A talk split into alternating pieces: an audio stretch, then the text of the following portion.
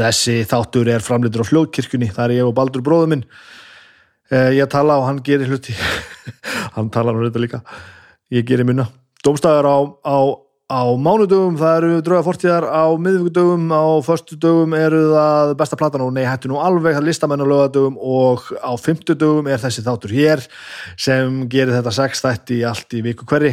Eh, ég tala við fólk á fimmtudögum og í dag er fimmtudagur, þetta er þátturinn Snæbjörn talar við fólk.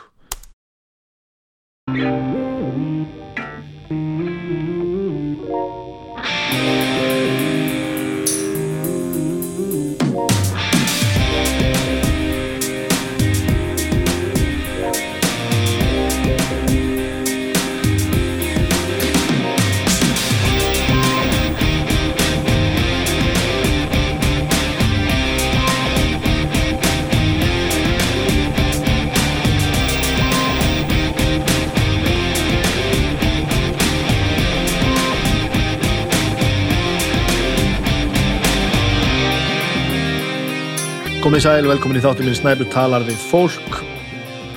Þetta er nú allt saman ljómandi gott, hér er alltaf að fara af stað á mín. Það finnur það, við erum, við erum hætt í COVID. við bara, við erum þó að það sé ekki búið að bólusitt alla og við erum ennþá að, að, rífa kæft og hafa ágjur, þá erum við, við erum bara farin að gera hlutina eins og, eins og við vorum vönn. Einhverja smá svona, einhver smá tvík hér og þar og, og við erum að höfum skoðun og öllu en í raun og veru þá erum við bara við erum hætt sem er alveg gott sko.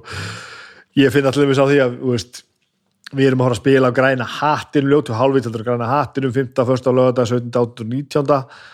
Uh, og það er bara einhvern veginn, við erum mjög fljóttir bara að koma okkur í sama gýrin, bara nú það er bara að fara að æfa og svo bara seljum við miða og ég heldur reyndar að sé uppselt á öll kvöldin sem er náttúrulega frábært uh, þegar þetta er talað erum við nú að uh, já ég man ekki alveg hvernig á að endur skoða ætli sé ekki bara að hafa rétt fyrir 15. að 16. eitthvað á að endur skoða næst um, á að endur skoða fjöldatakmarkanur og svona þannig að við erum svona að gæla við að hvort við náum mögulega að bæta við við fleiri miðum að þarna á, þessi, á þessa daga en sem, sem, en sem stendur er, er uppselt og það er allir til í þetta einhvern veginn bara.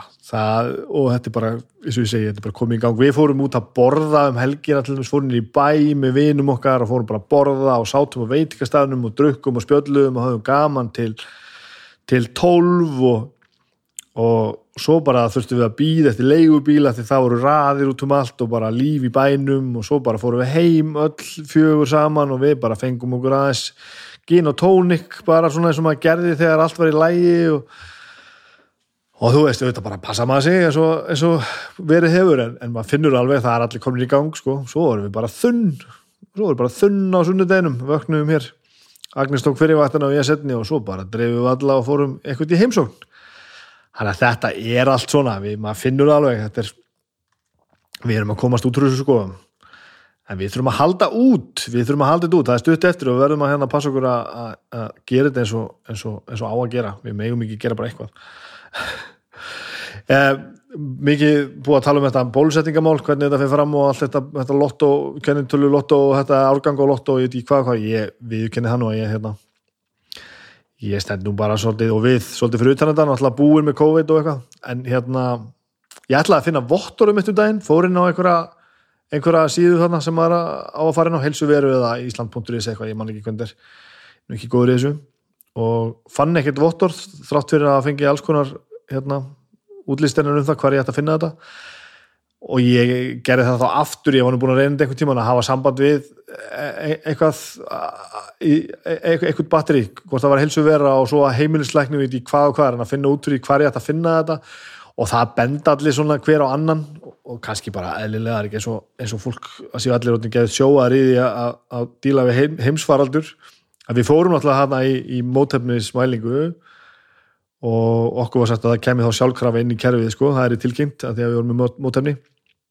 En svo bara hef ég ekkert séð að það hefði gæst og ég finn þetta hverki en svo bara hann að snemma var nú árgangur 1978 kallmenn dregnir upp úr, upp úr hérna skálinni og, og ég er í þeim hópi og ég fekk ekkert SMS þannig ég, þá hljóttu við að vera skráð ég fór mér þess að sérstaklega aðtöða hvort að símanum mitt var ekki rétt skráð ég veit ekki hvað og hvað jú, jú, jú, jú. þannig að Þannig að vantalega eru við skráð sem COVID og, og, og mér skilst að við fáum þá spröytuna síðust.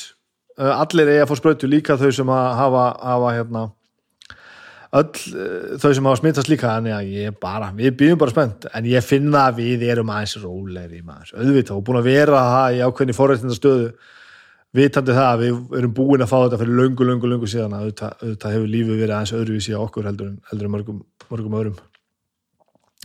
Það er bara þannig en, en við vorum að halda þetta út en ég segi það alveg heiklust, ég bæði hlaka til að æfa fyrir þessi gig og ég hlaka til að spila þessi gig og það verður fjandi gaman það verður fjandi gaman sko, þetta er allt saman gott. Já, við fórum í heimsókn um helgin og ég fekk nú að fletta þá skálmaldarbókinni. Ég, ég, ég hef aldrei séð hana. Þá verðum við búin að panta hana frá útlöndum og hann var búin að fá hana undan mér, þannig að ég gæti nú fletta hans í gegnum hana, hún er eiguleg ég var ánað með það. Það var, það var skemmtilegt. Það var ansi, ansi gott. Þannig að það er nú gott. Annars er þetta nú bara svolítið svona þetta sama sko sama, sama, sama. Um, já, Símin Pei ég fór, fór með hittum snillinga hjá, hjá Símanum Pei og spjöldluðum að sviða uh, talaðu samstafsæðila bara svona einhvern veginn þetta er alveg skemmtilegt batteri í hljókirkjan það er allir saman einhvern veginn fólki sem hlustar við sem erum með þættina og, og allir sem einhvern veginn koma inn uh, sem, sem styrtaræðilar vilja taka þátt það eru svona bara bara alvöru fundir og fólk að skiptast á skoðunum og maður kemst aðeins betur og betur að við erum öll á einhvern veginn á sama, sama botnum. Það er allir með góðar hugmyndir að gera eitthvað snildalegt og það er bara sama upp á borðinu á Símanu Pei. Þau, þau, eru bara að gera hluti sem þau trú á og vilja að vera í samstæðið fólk sem þau trú á og öfugt og, og við áttum að frábært spjall og ógeðslega gaman og auðvitað, gleymum því ekki að, að þessi styrstaræðala sem hljóðkirkjan er með eh, hjá sér, það er þeim að þakka að að þið getur hlusta á þetta frýtt þannig, þannig að við kunnum á sjálfsögðu öllum bestu þakkir. En það er Simin Pei sem er að, er að splæsa okkur hér og ég veit ykkur öll til þess að sækja þetta glæsilega app, ég nota eh, bílastæðis stæði eh, funksjónuna í þessu mjög mikið daglega hreinlega og ég var nú á lánsbíl hérna eh, í vikunni og þetta leggja bílum afar snöglega og það tók örgulega svona 6 sekundur að skrá nýjan bíl og, og í stæði og allt eins einfalt og hægt að hugsa sér. Ég fór að fletta hérna appinu aðeins betur. Uh, góðgerðamála flipin er, er hérna gleðum í greiðala hérna sem stendur eru held ég, ég held að þetta séu sjö málefni sem hættir að styrkja bara beint í genum appið. Rauði Krossinn uh, Badarspítalisjóður Ringsins, Ringsins Krabbamennsfélagi, Hjálpastar kirkjunar S.A.A. Bumbulóni og SOS, Bar SOS Barnathorpin eh, ég er með algjört bráða ofnami fyrir því þegar einhver ringir í mig og, og býð, býður mér að kaupa eitthvað eða styrkja eitthvað eða borga eitthvað. Það hefur ekki með málefnin að gera eða það sem hefur að bjóða mér. Ég, ég hef, ég hef og sennilega óþægilega lítinn og, og sennilega aðeins ósækjað tólenast fyrir, fyrir þessu að það sé ringt í mann og mann er bóðið eitthvað Uh, ég leysi þetta með að segja alltaf bara nei, nei, nei og nei, það hefur enginn hringt í mig reyndar í, í, í sennilega var það bara í nokkur ár að því ég er sennilega komin með einhverja rauða og svarta merkingu allstaðar að því ég segi alltaf kallt nei. Baldur bróðum, ég leysi þetta nú yfirlega með því að, að aftakka en bjóða viðkomandi að kaupa eitthvað á móti. Nei, mér langar nú ekki í, í þessa ritröð uh, tæmandi ritröð uppskrifta úr, úr blómaríkinu, ég veit ekki hvað að segja en það má ekki bjóða þeirra ég, ég er náttúrulega verið hérna í hljómsveit hljómsveitum í Skálmönd var hér að gera plötu það má ekki bjóða þeirra að kaupa plötu. Það, það leysir þetta svona með því að bjóða fólki eitthvað til kaups á móti og það aðþakkar vennilega og, og fer undan einn flæmingi en í þessu appi, þessu snildalega Simin Pay appi getið farið og, og, og valið ykkur ykkar ykkar góðgera mál málefni að eigin vali og borgað bara og það er ekkert flóknir en það. Fara bara að styrkja eitthvað og það er engin umbúðslögn sem einhver, einhver síma sölumanniska tekur og ekkert flókið, það þarf engin að vita þessu eða neitt, maður getur bara látið gott af sér leiða og það er ekki flókið. Uh, um, ég veit ekki hvað það er svo margt sko, það er alltaf verið að bæta við vestlunum hérna sem þið getur farið í gegnum appið. Og þar er búið að taka saman eh, ótal uh, tilbóð hjá hinum og þessum uh, húsgagnahöllin, gólfskálin, nú er ég að segja bara eitthvað uh, verk, verkfærasalan, þruman.is, margt og mikið. Ég nú er ég að sko skauta hérna yfir og nefna svona bara eitt af hverjum fimm eða eitthvað, kría hjól, grillbúðin. Já, grillbúðin er endar þar eru lettkaupstilbóð þessa vikuna. Lettkaupstilbóðin gilda í, yfirlt í eina viku einstakar sinnum oftar, nei, lengur segi ég. Gilda frá 50 degi fram á 50 dag sem er mjög heppilegt fyrir hlustendur að snæpi tala við fólk en þess að þátturinn minn kemur náttúrulega á, á, á, á veitunar á 50 dögum því stundum er þetta í takmarskuðu magni sem ég veit að verði núna. Og núna eru, eru ríkulegir afslættir af grillum hjá grillbúðinni sem er bara að kaupa ekki um appið. Og þið getur á, á með let, hjálp frá lettkaupum og þannig getur dreift greiðslum og fresta greiðslum og ég veit ekki hvað og hvað. Og veitingastæðinir, ekki gleyma þeim og ekki nómið að sé þægilegt og einfalt að panta og alltaf sama viðmótið. Maður þarf ekki að þekka allar vefsíður heimsins til þess að, hérna, að panta. Hérna getur maður líka að fengja góðar hugmyndir og ég veit ekki hvað og hvað. En akkurat núna er sér tilbúið líka í appinu hjá MyKai þeir getur farið og fengið MyKai skálar með mér langar að segja 10% afslætti já, 10% afslætti. Ef þið pantið ekki ennum appið Þannig að hér er allt til alls og allir að reyna að gera gott fyrir alla og allir græða. Þetta er frábært. Takk fyrir að vera með okkur Simin Pay. Um, þetta skiptir miklu máli og, og, og þið getið hjálpað okkur með því að nota appið og svo getið náttúrulega sjálfsögðu hjálpað okkur með því að tala vel um okkur hvað sem er. Eh, besta auðlýsingi fyrir hljóðkirkjuna er að þið segið vinnum ykkur frá þenni og svo náttúrulega með líka við þættina þar sem það er hægt þið með deila öllum statusum og þið með skrifa umsagnir inn á, inn á veiturnar og allt sem hægt er að gera. Þetta, er, þetta helst allt í hendur. Þetta er svona þessi business. Það er bara þannig. Um, ég ætla að bjóða ykkur að hlusta á mig og Marju Hebu leikonu um, uh, tala saman. Hún er manneska sem ég er búin að vita af lengi. Ég, við erum svona búin að málkunnu í hundra ár Eh, ég man eftir því að ég var að skrifa stundina okkar fyrir hvenar í andskotanum var ég að því. Byttunum við, náttúrulega að googla þetta. Stundin okkar Stígur og Snæfríður. Það eru tvö sísón sem ég og Torki Orman og Sævar sem eru með mér í hálfvítunum skrifuðu. Við skrifuðum þetta saman 2006 og 2007 held ég. Þar voru sískininn uh, Stígur og Snæfríður sem að ég um, bam bam bam og einhver tíma kom inn, ég er núna að muna þetta. Bara, ég er kannski að vera búin að sko, Ívar og Ískeru leku Stíg og Snæfriði uh, og Marja Hepa kom inn og lek einhvern fjandan einhverja, einhverja frængu eða vinkonu eða, eða hvað, hvað fjandin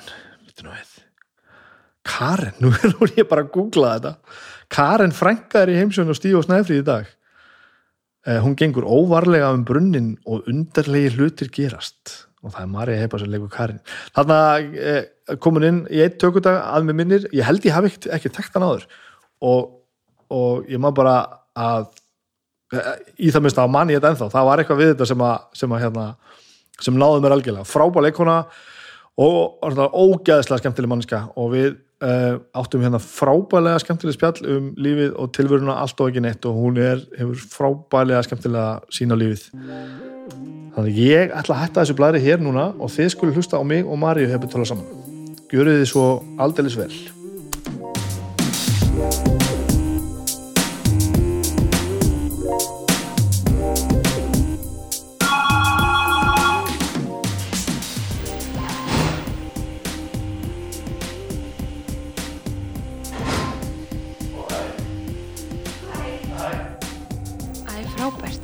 þannig að þetta var svona yfirvegaðari aðgerð heldur en þannig niðri. Ok, aðeins mér í ró.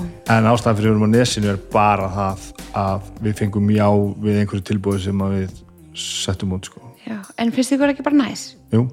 Við sjóin og svona? Já, það gera þetta frábært sko. gott fyrir húsvíkinguna að vera að sjá í sjó já, þetta skiptir mér meira máli helt já, ég veit það. ég, ég bjó náttúrulega á laugum í Reykjadal sko, já.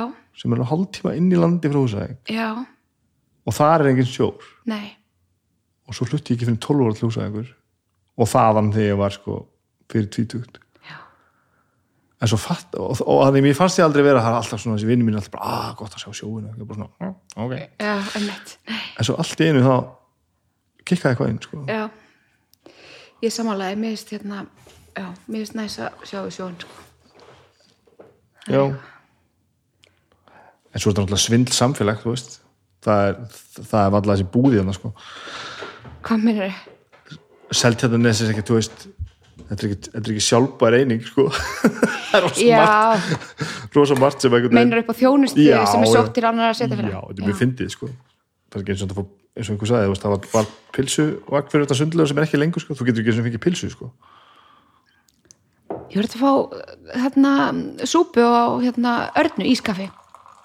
Já, það er hægt það er geð, geðveikur staði sko og það Já. er náttúrulega rosa margt gott hérna sko já, já, en það er, það er, fyndin, þetta er pínu fyndin rekstrar eining sko já en hvernig er stemningin? er svona bæjarbræður hérna, finnur það? Hvernig?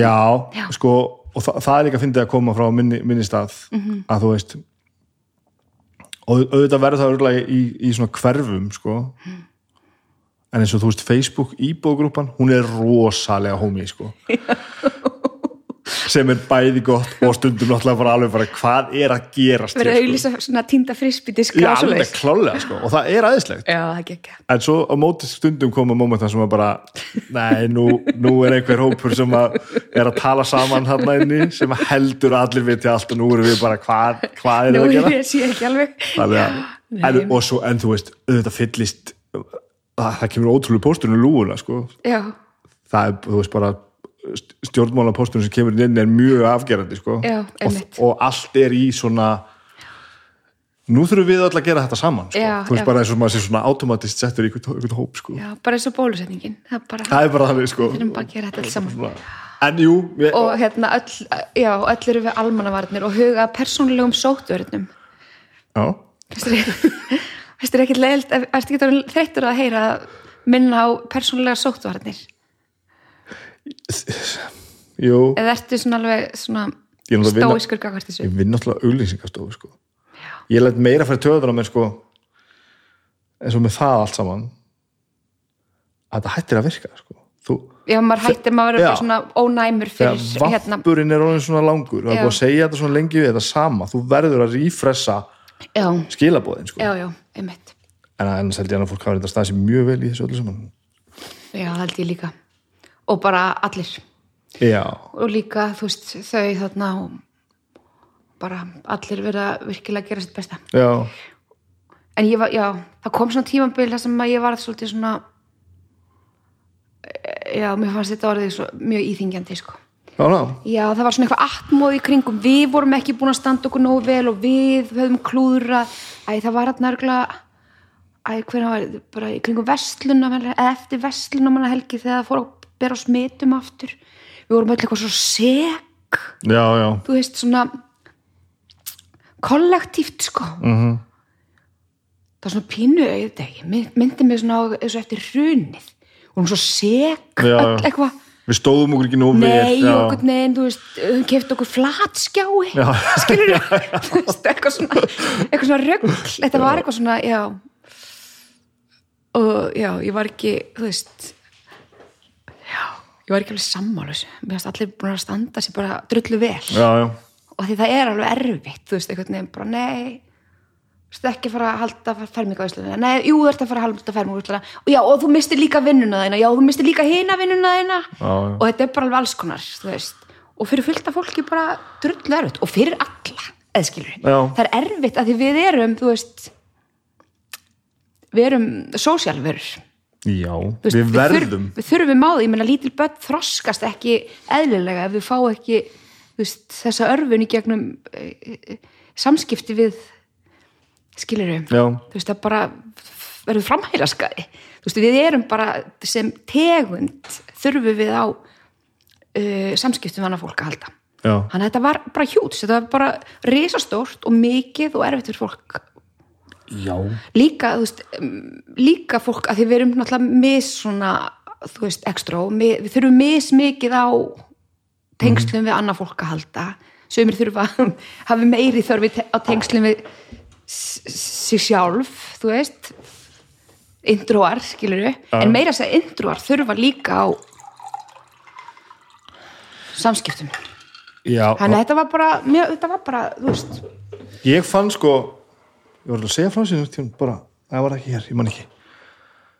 Að ég er svona ég, ég er mikið að gera ég er svona alls konar svona kreðsum sem að þú veist ég er ekki með þetta hlaðvarp og ég er alltaf alltaf stúrst eitthvað í tónlist og svona svolítið sjálfkrafa, svolítið svona mörgum hópum og vinna mín var einhvern veginn þannig að þú veist, við erum að vinna í stóru húsi þannig að við gátum, þú veist og hún hendar til fjárvinnu, þannig að við gátum verið að vinna stundum heima, stundum þar. Já, svo er ég búið með COVID sko, þannig að ég þurfti ekki að hafa, þú veist já þú fjagst COVID. COVID mjög snemma sko. Já, já, þú veist, þú veist, bara let bara mæla og ég bara með, þú veist, með hérna með mótefni og já, þannig að þú veist, þetta svona hefur að sömuleyti minni áhrif sko og með þess að börni mín á leikskóla aldrei þannig að það var mjög sjaldan ef eitthvað sem var svona alvöru riðlaðist þar já, að við vorum svona, tölum alltaf um það sem er alveg rétt við vorum bara, við sluppum bara svona frekar vel þannig séð já, sko. já, en svo fór ég bara old school á barinn um daginn og hitti vinni mína. Já, var ekki gaman. Og þá fann ég bara wow, hvað vantar mikið maður. Já, og ég samt Já, sko já. í þessari stöðu sem ég er sem, ég hef einhvern veginn allt til alls svona að redda mér alls það sko, og allt gengur svona 70% sinn vannagang þarna fann ég bara wow, hvað maður þarf þessu að halda það maður. Ég var alveg endunarur bara að finna pínu svitalikt af fólkinu sem ég var að tala við bara, þú veist, ótrúlegt að finna þetta sko. Já, er þetta með félagslu tengslin sko, þetta er við þurfum á þeim að halda sko þannig að það var hérna ég, já, svo tók hann að þannig kom nýr fósiti mm -hmm. í bandaríkanum, Joe. Biden og hann var eitthvað talaði eitthvað til þjóðurinn og sagði bara eitthvað já þú veist, alltaf á svona mjög amerískan og væminhátt þú veist, en, ég fekk bara svona pínu kökk í hálsinu, bara já þið eru búin að fórna svo miklu og ég hugsaði bara já, við erum búin að því. En hérna uh, já. En svo gerist bara eitthvað og svo gerist eitthvað. Já og auðvitað kend, þetta kend, kendi manni að það getur í alveg allt gerst. Já, já, og ég held að við verðum já, betur til þess fallin að taka á því næsta sem gerist líka kynsláðun og eftir okkur sko. Já, einmitt. Og svona bara einhverju æðruleysi og þú veist, auðmygt en hérna já, maður að rifja upp bara hvað maður var hrættur þarna fyrst í fyrstu bylgi maður bara drullur hrættur, það vissi engin neitt sko. Nei, þú veist, ég, man, ég, var bara, ég var mjög hrætt sko. veist, ég var hrætt bara hvernig þetta yrði. Hvað yrði margir veikir og, og þú veist og manstu þegar við vorum hérna og við vorum hérna þetta var spurning hvort við ættum nóg mikið af sko, öndunarvélum? Já, já Já, akkurat? Ég man þessu Og þú, maður var bara með svona kökkin í hálsinum að því það voru einhver fjársterkir aðilar Íslendingar í bandaríkunum og einhverjir hérna heima sjálfsagt líka sem komu, þú veist ekki undir nafni og keftu einhverjar Já, öndunavélar eða alveg var eitthvað, þú veist mannst eftir þessu? Já, ég man þessu. Þetta var svona, þetta var svo raunverulegur ótti, hvernig það bara yrði Akkurat, af því þetta var bara spurningum að gera hlutur og gera hratt eða geti bara eitthvað hræðilegt Já, gæst og það var, já og í það- frettunum var bara Já. í annars stæri heiminum bara, fólk var bara í þessum vandræðum, bara Já. að, stráfalla sko. og það var bara every nation for themselves. Já, þú já, veist, þetta var pínu þar sko. Þú veist, hvað varðandi þú veist, svona uh, öll hjúkunagögn og þannig.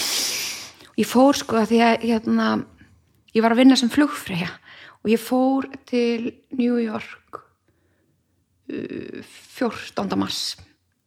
Já, og sem var laugadagur og það var rosa sérstakt að vera, þú veist Midtown, Manhattan á laugardagskvöldi og bara engin já, áferð vá.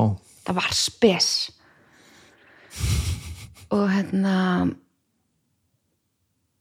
já, mjög mjög sérstakt. Og mjög sérstakt að vera á laugardagskvöldi þú veist á Manhattan og það eru, þú veist, gulir bíl eða þú veist, hérna, þú veist, leigubílar svona bípa og bjóða far. Að mann leið, þú veist, þeir eru ekkert lausir skilur, það var bara enginn á götun Vá, eða þú veist, mjög fáir. Og svo löpuðu við ég hafði nú ekkert ætlað að fara hérna, neitt, ég ætlaði bara að fara inn á hótelherbyggju ekki, þú veist, og við vorum með svona spritklút alltaf, þú veist spritt alltaf svona snerti fletti og allt skilur því maður bara, maður vissi ekki neitt maður bara drullur hættur sko. Og uh, en svo ákvæði nú að fara eitthvað og fá mér að borða sko.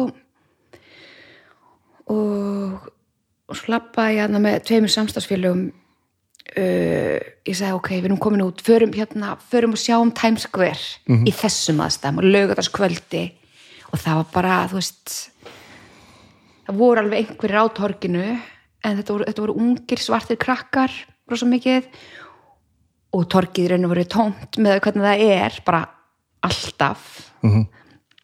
og uh, svo svona já, svona maður sem stóð upp á kassa og var að bóða heimsenda og segja að vættum með yðrast og taka guðin líf okkar og svo þess, það er mjög sérstætt Var það? Já, var Í það. Já. Hann, gott tækifæri, þannig Yes. getur náða fólki. Jep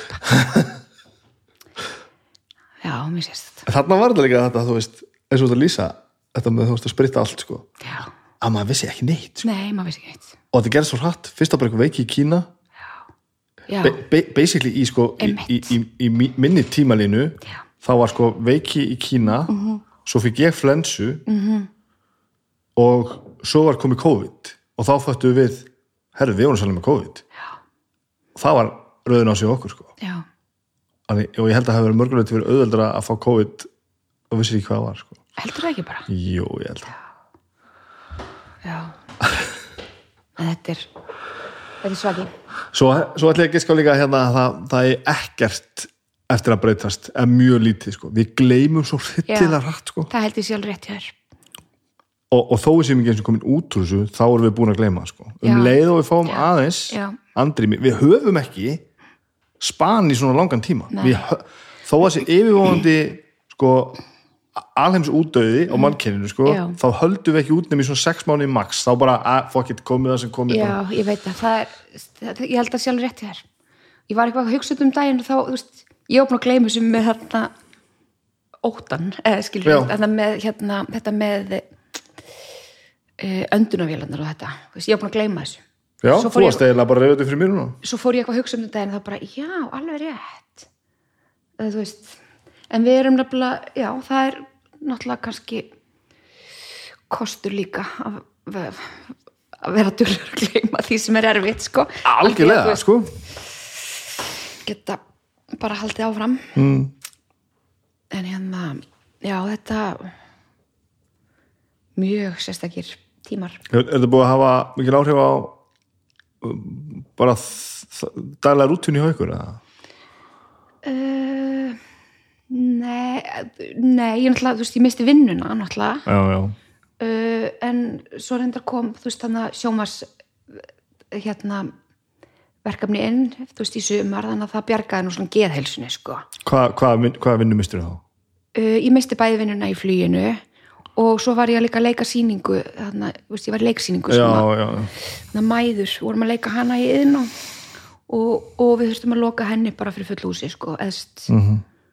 og vorum, voru þá tvær, já, tvær uppselda sýningar sem við þurftum bara að fresta. En við erum reyndar svo hérna uh, fór inn á í eh, einhverja krísu sko hérna í þessu áfalli öllu. Og uh, en við erum reyndar byrjuð að sína þessa sýningu aftur núna inn, í- í borgarleikusi sem að var frábært. Mm. af því að hún átti svona meira inni og þannig að það var gaman að geta að fara eftir að stað.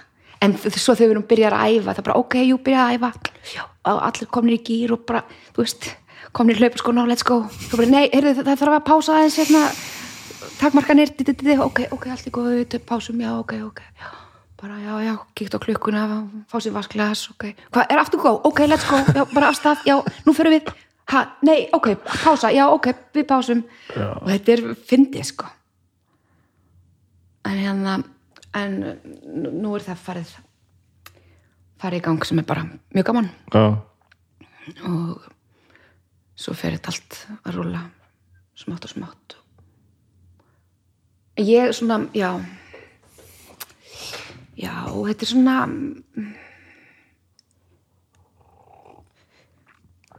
sko varandi svona félagsfælni og svo leys þú veist verður svolítið áhugavert að sjá hvernig hvaða áhrif þetta hefur á á svona á okkur á þann hátt sko. Fyrir fólk sem er, þú veist, kannski hætti til félagsfælni Já, meina það, hefur þetta ábyggilega verið svolítið notalegt þú veist, þunglin, stór þunglindi sjúklingurinn stór vinur minn Flósi Þorgesson segir að þetta hefur bara besti tími bara að mörgum leiti sem hann hefur bara upplifað sko. Bara búið að taka árum alla pressuna Alla og þurfa alltaf að fronta fólk. Já, já. Og hérna já, hvernig ætla að sé veist, þá að fara aftur á stað að því að hérna það er svona öryggið okkar þú veist, þú veist ef, við, er, ef við ítum ekki mörkunum okkar bara pínu alltaf veist, það þarf ekki þunglindi sjúkling en Nei. bara okkur bara öll sko Já. að þá verður alltaf ringurinn, öryggisringurinn verður alltaf nær og nær, skilur Já, ég held sér mjög margir sem hafa sokkið þangað inn sko. ég man bara þessu þegar ég var með börnin mín lítil, þú veist, í fæðingarorlofi þá svona uh, var það svona heimurinn svona svo einfaldur og smár sko Já, og það var svona, það þyrfti svona pínu átak fyrir mig að svona ítunum aðeins út sko þú veist, íta mörkunum aftur út -hmm. bara fara út með göngutúr með nýjan einstakling þú veist, Já, í já. vagninum skilur sástu þetta sjálf eða þurfti einhverja svona pikkið eða? uh, ég ég sá þetta ábyggilega sjálf en ég var, ég var miklu meðvitaðar um það þegar ég var með annabatn í fæðingarólöfi mm -hmm. heldur en þú veist, hérna fyrsta batið mitt þá var það held ég svona heimurinn minni. Veist, og svona einangrari og maður býsir svona til bara passlegar afsakanir fyrir því að maður já, þetta er bara alltaf læg svona. Já. þetta dögur alveg. Hérna. En það sem þú ert að segja, mér finnst þú nú svolítið verið að lýsa því bara hvernig ég, ég er og þarf að lifa lífinu. Ég á rosa auðvelt með að gefast upp fyrir því sem að vex mér í augum sko, og vantan að við öll sko. En ég held að sé alltaf nákvæmlega challenge er alltaf þetta að íta frá sér sko, aðeins að fara sko. örlítið sko, aðeins að íta sér að því að þú veist þú svo má það ekki vera óbrjála því þá bara, þú veist þá endur við í fóstustellingunni sko já, já. veist, en svona Ég þarf svolítið að kenna sjálfum mér að sko að að þetta segja það sko að maður gerur brjálað. Ég hef alveg gert það sko. Það er bara, að nú bara hristi ég þetta allt að mér í einu og ég Já. er farin á stað. Já. og ég mynd enda í hóstustellingunni sko. Að hérna, ég, ég þarf svona að geta sagt því sjálfum mér sko þetta litla sem ég gerði hérna, Já. það var bara helviti gott sko. einmitt. Það er hérna, ég er svona eftir þessum árunni fjölgar er ég að læra það sko. Já, það er bara drullu fínt sko. Já, bara þessar 20 myndir sem þú fórst út að labba þær Já, voru bara það var helviti bara góða sko. vel gert já, einmitt Hvað kemur þú? Fyrir nú eitthvað, segðu mér nú eitthvað sem, ég, sem ég ekkert veit. sko uh, ég reyndar sko mamma mín og pappi eiga heima hérna bara rétt á mörgum vestubæjar og, og, og hérna Seldanes, Ok, hérna í jólatrísblokkunum hérna, yes. og Granda og það, ég meina þar var svona úlingaherbyggi mitt sko, einmitt við sjóin Já, þú varst þar? já, Já, já. það var úlingaherbyggi mitt en ég er ættu á norðan Aha. uh, hérna á sléttunni sko, hérna Melrika sléttu og Langanesi Já. en hérna já, ég fætti Reykjavík mamma og pappi byggu í Vík í Mýrdal þegar ég fættist Þetta er út um allt. yes. þannig að ég er svona, já Eru þau, en býtum við, þú ert ættu á norðan og þau byggu þar. já, þau byggu í Vík, já Hvernig, hvernig gerist það? uh, afi minn var hérna prestur í Vík í Mýrdal. Og uh, hérna og amma mín, er, sest, amma mín afi mín í föðurætt sagt, föður amma mín og afi byggu þar prestjón og uh, amma mín í móðurætt. Hún flutti sagt, til Víkur með sínum þáverandi manni. Þannig að mamma er ættuð að frá Rauvarhöfn pappi frá Þósöfn en þau kynnast í Vík. Vá, ekki svolítið spes, þetta er frábæð saga. Mm. sérstætt Það er ekki vist að þau kynst að þau verið á þúsund og rauðurhöfn. Það er nú ekki alltaf gangur þar á milli. Nei. Ekki átakalöðs allavega. Þetta veist þú náttúrulega mjög Já, vel. ég, það er alls konar þarna, alls konar pólitík þarna. Já, Ok. Ég ætla, ég ætla að fara að spyrja þig bara, þú segist þér að ættu sko af langanesi. Já.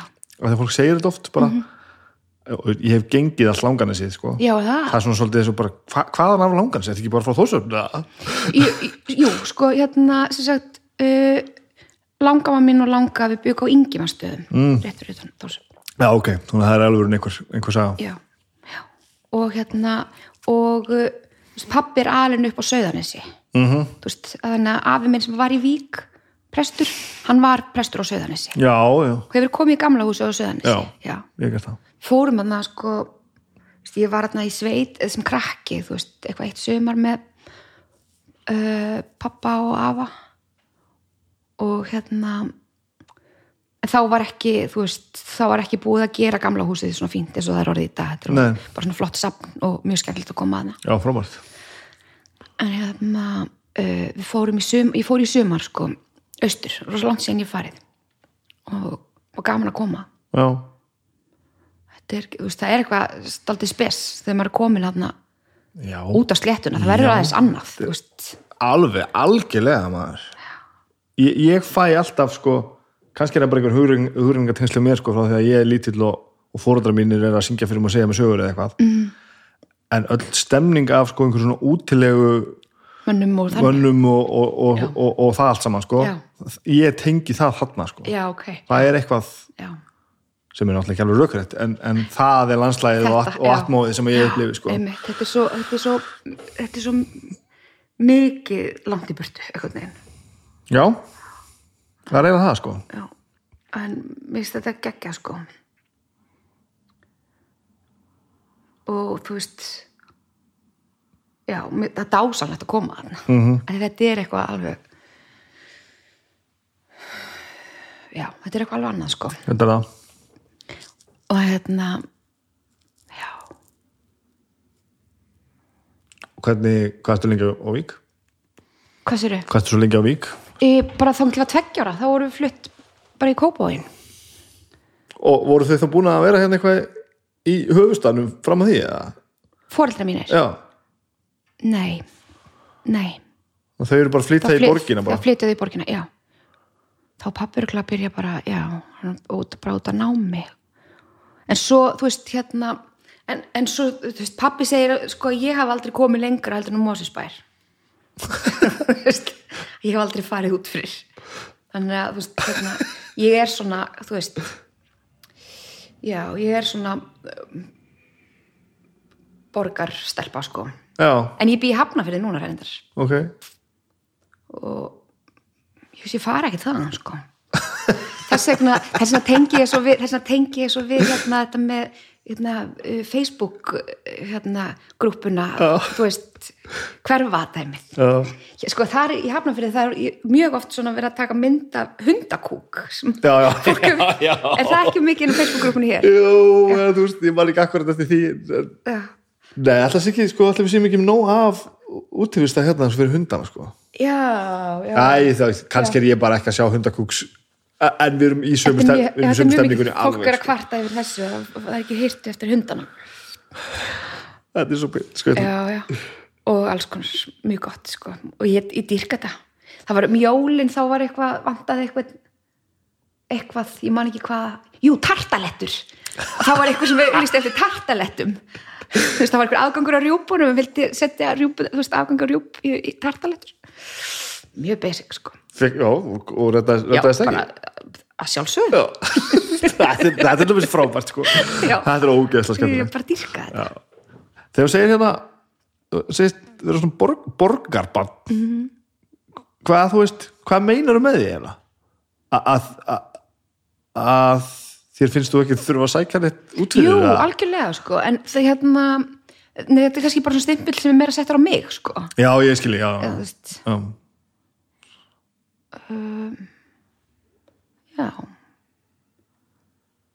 en um, Hafnafjörður er ekki borg.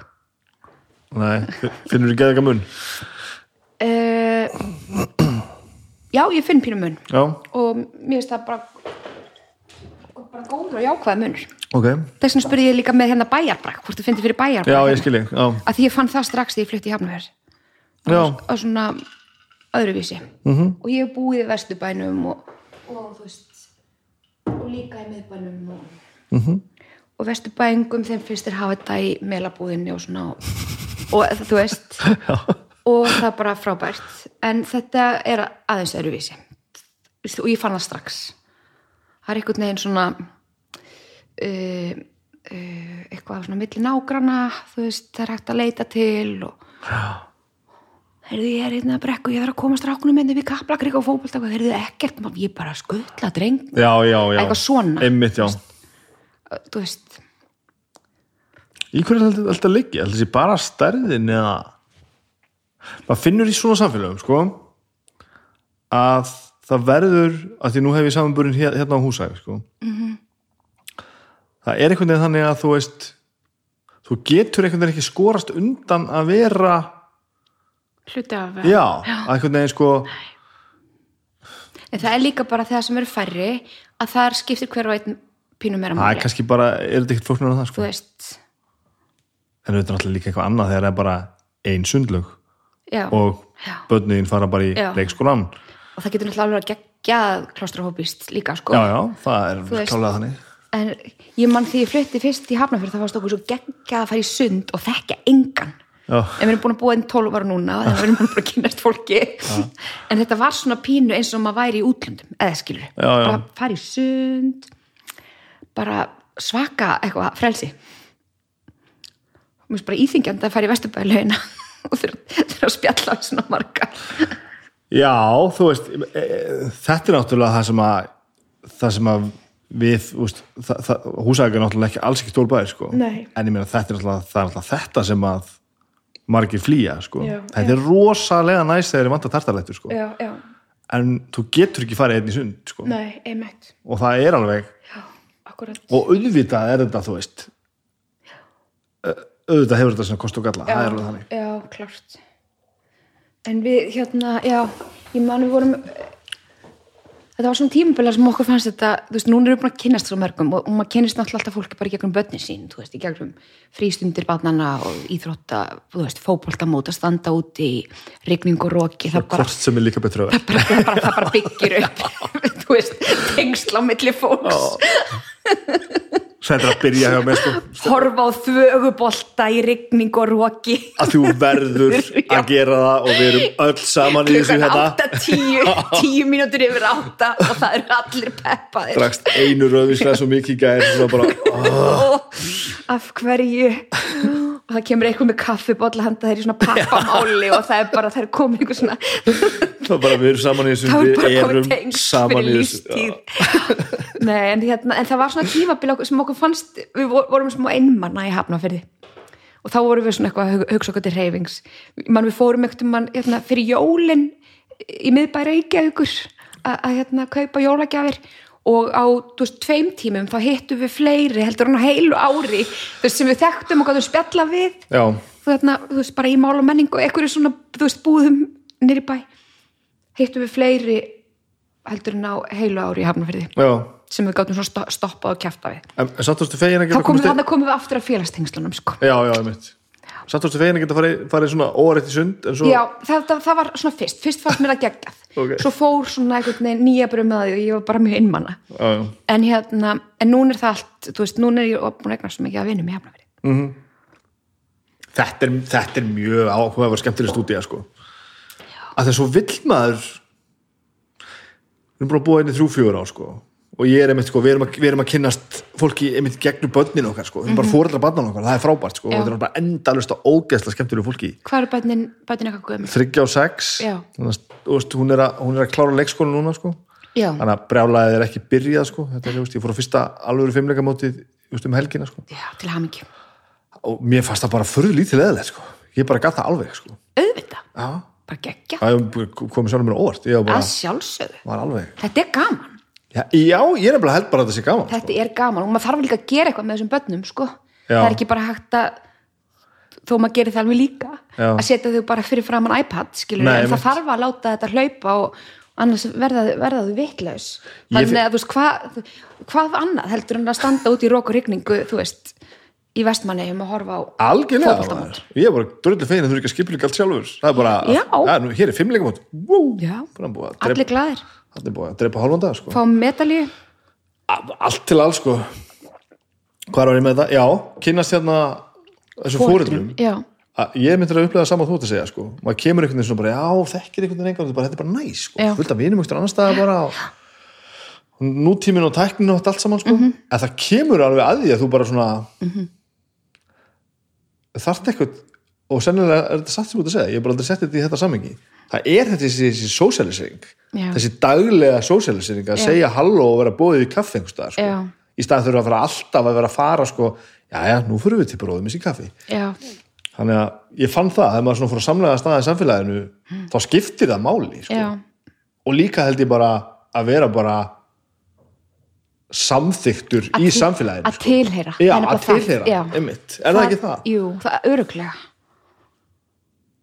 Þú ert búin að fá mig til að kafa svo djúft í þetta, ég hef aldrei pælt í þessu sko. Nú ertu fann að elska seltnenes en það meir Mér þykir mjög vandum en að stað sko. Þetta Ég trúi, þetta er bara geggja Já, þetta er nefnilega ansið gott sko. Og hvað? Nú er ég að vera spenntur. Þú, og þú ert komin í kópóin tveggjara, Já, það gengur vel. Já. Já, svo þarna er ég í kópóinum og hérna ég fór samt í skóla sko, já, í Áltamýrinni amma mín hérna uh, sem hafði flutt þarna með þárendi manni sínum til Víkur móður amma mín hún var þá skilin og, og, og hafði keift uh, uh, kjallaríbúð að háaldisbraut og ég fer í skóla í Áltamýrinskóla og hérna uh, er þar í sexar á bekk og svo fara, fara fóreldrar mínir og kenna uh, við Reykjanes við Ísafjörðardjúp og ég bjóð þar í þrjú ár 7, 8 og 9 ára. Fórstu með vestur? já, Já, ok. Og hérna þá flytjum við sérst vestur. Og ég komin aftur já, og það var náttúrulega mjög sérstakt að búa í Reykjanesi. Uh, uh, og allt öðruvísi náttúrulega, þú veist, það er bara það er svo fámennu skóli, það er, bland, það er blandar bekkur, þú veist hérna yngstu, hérna krakkarnir. Já, og og þetta er á þeim tíma meira að segja það sem að var sko að þetta var heimavist. Og þau voru ekki, sko, að því að ég bjó þú veist á staðnum að þá var ég í skóla í bara 7, 8 og 9 ára bekk. En ég held þau hafi ekki komið til heimavistur fyrir þau voru 10 ára. Ég man ekki alveg hvað þau voru gömul. Þá voru þau, þú veist, þá komið í voru og haustskóla eða eitthvað svona. Að þá fóru kennarar held ég líka eitthvað þú veist, á bæina til, þú veist, batana í sveitinni vá. Að því þá eru þau bara of lítil skilur, Já. það er ekki hægt að senda Nei, nei, nei. 6, 7, 8, 9 ára konum börn í heimavist mér finnst nú alveg ákveðin brekka. Þú veist, miðjödrengur minn er 9 ára 12 ára, mér finnst alveg brekka að senda hann Já, er ekki samt börnun okkar miklu mér aumingar heldur en að að- Berti setið svolítið gæsalöpum á þetta? Já, já, að þeim er ætlað minna eða samfélagi ætliði minna sko. Og ég er ekki alltaf já er slæmt. nei, einmitt, en þetta var einhvern veginn held ég. Já, jú, öruglega það eru tímar bara, Já. þú veist samt svo fárum og stutt síðan, skilur það er bara máli, ég var að hugsa það, þú veist, þú, eiginlega svona næstu því að lýsa þig presturinn að fara á bæinn að kenna þeim að, lesa og skrifa sko. Mhm. og bæninnar já, einmitt. En já, svo bara flytjum við aftur til hérna eh, Reykjavíkur og og eh, þá bjóð ég hérna í jólatisblokkinni við sjóin hérna. Þá er það bara, þá er komið þangað? Já, en ég, þú veist, ég hefði eiginlega átt að fara sko í skóla hérna í, í uh, Vesturbæin en uh, ég vildi það ekki. Ég vildi vera í Altamir já, mér finnst þetta mér finnst hagaskóli eitthvað svo mikið vand, vandraða barnaskóli og ég vildi bara sem hann var pinnu var það ekki? Jú, kannski bara eitthvað misjönd þetta er árgangum sko. En hérna um, en þetta er þetta, já líka maður treystir því sem maður þekkir og allt það. Já, já, einmitt. Og uh, já þannig að ég kláraði minni skólu, skólagöngu í, í og, hva, og, hvernig, veist, hvernig barn ertu, hvað ertu að gera? Já, um, ég, hérna, ég var í dansi því ég var krakki. Þú veist, ég var tíu ára því ég byrjaði bara í jazzballett og það var alveg svona mín, hérna, já, mín er á kýr, sko. ok, Og við vorum með hliðin á framheimilinu. Já, og það voru, þú veist, allir í handbolta. Eða handbolta og fótbolta. En ég var einhvern veginn rosa svona lítil, lítil íþrótta þú er búin að lýsa svolítið mörgu núna sem að, veist, það sem þú hefur tekið sjálfstæðar ákvarðin um að gera eitthvað svona aðeins þvert á fara frekar í þennan skóla og Já. æfa frekar þetta og er það, er, er það bara tilhugin eða varstu svona eitthvað? Ég hef bara aldrei pælt í því þannig. Það er bara já. Ég hef aldrei fatta það sko. Þú er svona spes. annarkost sjálfstæði og eða mótrói já, ætla þessi bara að blanda báðu. Já, pínlítið sko. Kaffi? Já, já takk. Gjörsal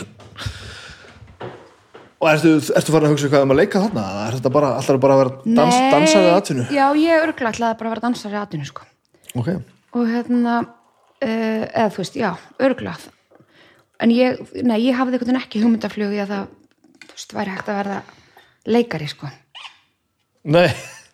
það þú veist, það var einhvern veginn ekki inn í stafrónu en varstu þú veist heldur þú að hafa verið alveg bjóð eitthvað í þér að, að gera eitthvað svona? Já, sko, allavega það, það var reunion hjá uh, grunnskóla árgangunum mínum fyrir nokkrum árum. Og þá var, veist, kom fólk til mér og segja já, auðvitað var það þannig. Auðvitað fórst þú og varst leik, leikari. Já, en ég er svona, já, ok. Veist, en ég hafði veginn ekki fattað það, sko. En ég, ég man, þú veist, það var hérna val á, áfangi í hérna níunda bekk sem að, veist, það var ekki tíundu bekkur þegar ég var í, í hérna, en þú veist, það sem að væri þór tíundu bekkur núna, var val áfangi og ég valdi mig leiklist sem val. Ok, en ég held ég hafi sko endað á því að vera aðstórleikstjóri kennarans, þú veist. Að ég fattir þau, það var, var eitthvað neginn þannig. Ok en jú, jú, og svo voru svona skólasýningar og, og mér fannst það skemmtilegt. Það var alltaf til í þetta sagt. já, já, já, mér fannst það alveg gaman sko. En hérna en ég hafði ekki einhvern veginn uh, þú veist, ræna á að þetta var eitthvað sem hægt var að læra og, og þú veist, stunda. Mhm. þú veist, ég einhvern veginn bara vissi það ekki sko. Og ég man, svo, að því svo fer ég í Vestló sko. Og, og ég var alltaf bara meir í dansinum. Það var einhvern veginn þar og, og ég man, það var ein vinkona mín uh, jafnaldri sem var í inntöku frá hérna í fyrir leiklistaskólan þegar við vorum í hérna uh, þegar við vorum í stúnisprófum og það var eitthvað svona alveg bara já, mm, ok. Já, ok. En þú veist já ekki var veginn ekkert að tengja við mig eða þú veist, var, það hafði veginn ekki ég bara vissi ekki að það væri til skóli sem að héti leiklistaskóli Íslands. Það var eiginlega bara þannig.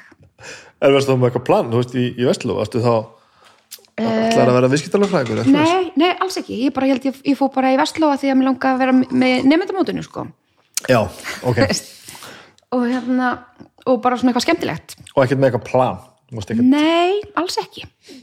Svo var ég eitthvað tímabili að hugsa um lögfræði en svo endaði ég í guðfræði eftir, eftir stúðinspróf ok. Já, og ég reynda að stoppaði mig stutt við þar, ég var bara eina önn. Já, og hérna og svo skipti ég yfir í bókmyndafræði. var Guðfræðin var það bein tenging frá prestinum aðaðinu Öruglega, en svo líka, ég sagði einhvern tímann því hérna afi dáinn núna, dó fyrir nokkrum árum. Ég sagði einhvern tímann að- í ammali, held ég einhverja ræðu fyrir afa. Og ég sagði hver er munurinn á að vera prestur og leikari? Veist, við förum í búning, við stöndum upp á sviði við þurfum að kunna línutnur okkar og það eru áhorundur sem sitja og horfa. Já, þetta er aldrei líkt, sko. Já maður. En svo var eitt, nefnilega ég, þarna, ég óskaði mér í stúdinskjóð frá foreldri minn búning, það bara gott. Já, en pældi í þessu, þetta, er sama setupið, sko. já, þetta er er bara Sami, sami grunnurinn, náttúrulega. klárlega, handrit og Og, frá greikjónum, allt þetta, þú veist, guðadæmi og allt þetta, þetta, veist, rótin er sama. já, En hérna, uh, já, þegar ég hérna, já, ég óskaði mér í gjöf frá mömmu og pappa í stúdinskjöf uh, heildarsafn Shakespeare. Í þýðingu Helga Halldóna. það er þroskað. En er ekki spes? En þú veist, en ég ætlaði samt í guðfræði sko, já, og svo hérna skildi ég ekki í þessu okkur ég hefði óskað mér veist, að fá þess, þessa gjöf. Svo hérna hætti ég guðfræðinu fyrir bókmyndafræðinu og ég bara, já, emmi, þess vegna var þetta þess vegna vildi ég fá Shakespeare það hefur þess vegna en svo enda ég einhvern veginn, þú veist, í leiklistaskólanum og þá var svona, já, nei, nú fatta ég þetta Varstu það bara svona hægt og rólega að vinna því að því að vera, vera leikona? Ómeðvitað, sko Ertu búin að lesa alltaf Shakespeare? nei, Ég ekki, ég heldur. Ég hef aðeins pikkað þetta. Þetta gott. Já, Maður þarf aðeins að svona, Já. ef maður er óvanur sem ég er, sko, Já. að setja í pínu stellingar, sko. já Bæði, sko, þú veist, þetta er ekki ekki mjög djúsi frumtextin og þessi þýðinga bara, þetta er Já. bara eitthvað, þetta er brjálað, sko. já, þetta er ógislega flott, sko Að ég myndi nú ekki lesa þetta, myndi dæristekningar á kvöldin, ég bara hef ekki burðið í það, sko. en maður þarf sko, já, og maður þarf að gera, gefa sér tíma og svona, þú veist, sem að maður kannski bara er ekki maður er of óduglegur við að þetta er ekki eitthvað svona að taka þetta bara nú ætla ég og þú, þú, þú veist, það er ekki, það er ekki svo leist, það þarf að taka þetta og, og svona en ég hef ekki, nei, ég hef ekki lesið öll verkinu, sko. Kláraður bókundur þannig að já, já, já, ég ger það. Og hvað, hvað hefður þú þá orðið ef að, hvað varstu þá að stefna? Va- varstu bara vildur þú bara vera grúskari eða? Já, örgulega, ég var það, ég var ekki, þú veist ég var ekki með svona markvist plan, sko. Ég held ég bara aldrei verið mjög þannig, sko. Meira eh, svona í flæði, sko. Uh, Nei, nei, ég bara var að gera það sem ég hafði áhuga á já. og mér varst gaman þú bara, bara, bara óþólandi núutund sem þú bara gerir ger hlutina rétt. Fáránlega nútið Já, það var samt ekki búið að finna það orðið Nei, er, það er byggð, trendsettir hann sko. gera hlutina að því að það er gott að gera það í núinu en ekki alltaf að stefna ykkur já, já, akkurat já, já. Og hvað er eftir lífinu hana? Þú hefur búið með, með háskólan Hver býrðu þá? Uh, þá bjó ég bara með hérna, nú er þetta manninu mínum Já, þú ert bara, bara komið svo teinana strax Já, já, já, já. Hvernig kynst þið? Við kynntumst uh, fyrsta janúar í partí á Bröttugutu heima hjá Adda Knúts vinn okkar Í nýjásparti eða eftir miðnætti? uh, nýjáspartí Ok. eða já ég hérna ég, ég fór, ég hafði verið í sko uh, gamláspartíi og hafði skilið eftir Pulp Fiction geisladiskin minn Og þetta er besta saga sem ég heyrt. í partíinu. Og svo fer ég daginn eftir. Vinkona mín var að vinna á tunglinu. Anna Maria vinkona mín. Og við fórum á hérna, nýjáskvöld að borða á Pizza 67 og þar hitt ég Adda Knúts vinn minn. Og hann kemur eitthvað að spjalla við mig og, og Önnu Marju og hann situr með svona strákahópi og, og kallar og svona, þú veist, svona eins og kallar eru, þú veist, tala, hlæja hátt og svona og gæjar. Og ég segja, spyr Adda hérna, hvað, er ekki, er ekki góð kandidat kærasta fyrir mig hérna? Og hann segir, jú, hérna, Kristofur, hann geggjöður, frábærgur. Og ég leið, já, meitt, ok. Og ég hafði nú eitthvað átt eitthvað kærasta þarna áður sem hétu Kristoffer ég, ég veit ekki alveg ég veit ekki alveg hvort það er það sem er svolítið fyndið að því Kristoffer er ekki algengt nafn það er fáraleg. það er ekki algengt nafn á þessum þú veist, það er orðið algengt af, á yngri þú veist, drengjarnafn en ekki á þessum Nei. árum og hérna- Sæður einhverja já kærasta? Varstu bara fyrir ekki marga eða? já, fleiri en einn Það, fleiri en einn Kristoffer áður og þú byrjaði með þessu? Já. Það, þetta er nú, þú ert bara að skrifa niður þessu sögu, þetta sko. er mjög spes að þetta er pínuspes og hérna allavega og svo hérna hugsa ekkert meira um það svo fyrir vinkora mín þannig hún, hún var að vinna á tunglinu á þessum tíma barþjótt og hún fyrir vinnuna og ég fyrir heim til Atta að, upp á bröttu götu að sækja hérna geisladiskin minn -hmm. og þar eru strákar í eldspartíi og hérna og svo enda ég með bráði að fara með þeim á tungli Já. og svo einhvern veginn bara gerist þetta upp frá því og, og það var lengi til upp á korktöflu heima hjá Kristoffer manninu mínum uh, svona gulur post-it miði sem stóð Maja Sæta 20809 sem var símanúmerum mitt. Það var ekki komið 55 sem Addi hafi skrifað og var svona til upp á korktöflu. Ég held að þessi eina skiptið sem ég hef heyrt sögu sem endar svona þar sem einhver segir bara hérna er ekki einhver, hérna, einhver, einhver kærasta sem ég geti átt hérna? Já, og það endaði vel. þú veist, og að leita sér að maka og svona eitthvað svona, jú, herðu er- og þegar, að að við þekkjum þetta öll, það kemur fólk til maður svo hérna bara, er ekki einhver er Er sem að eitthvað bla bla bla og það, það, virkar aldrei. Virkar aldrei, nei. ég hef aldrei heyrt þetta virka Nei, einmitt. og hvað var það svo bara auðvitað þið bara hamingjusum frá degi eitt og, og, og, og hafa verið saman síðan? Já, við höfum verið saman síðan. það er magnaða maður. Já, og allir keiriði brúðabílinn þegar við giftum okkur í Vík, einmitt. hvað gift- hver að giftu ykkur Uh, 2000. já, Já, ég hérna uh, ég byrjaði í leiklistaskólanum hausti 99 og hann, hann baði mín hann uh, á 25 ára ammálstæði minn 1. oktober uh, 99 og ég held að það hafi verið mjög sniðugt ráð hjá honum að að bara giftast mér. Af því að, þú veist, einhvern veginn við eða fjarveran. Þú- meðan fólk er í þessu leiklistarnámi er töluvert mikil og já, og hann mikið, það er mikið undir. Þannig ég, ég, svona, ég, ég er ekki samfærað um að okkar samband hefði þólað ef við hefðum ekki verið gift. Áhugavert. Heldur að hafa sk- skipt höfumáli að því það, bara, það er bara flóknara að, hérna, að slíta sambandi ef fólk er búið að gifta sig heldur en bara að hætta saman. Það er um praktíst eða? já, já. Ég ég ekki þetta saman á praktíkinni bara. Ég held allavega hann hafi ekki ég held að það hafi verið bara mjög gott ráð hjá honum. Já, og við höfum alveg rætt það sko. Þetta hafi verið svona, já, bara frekar vel spilað.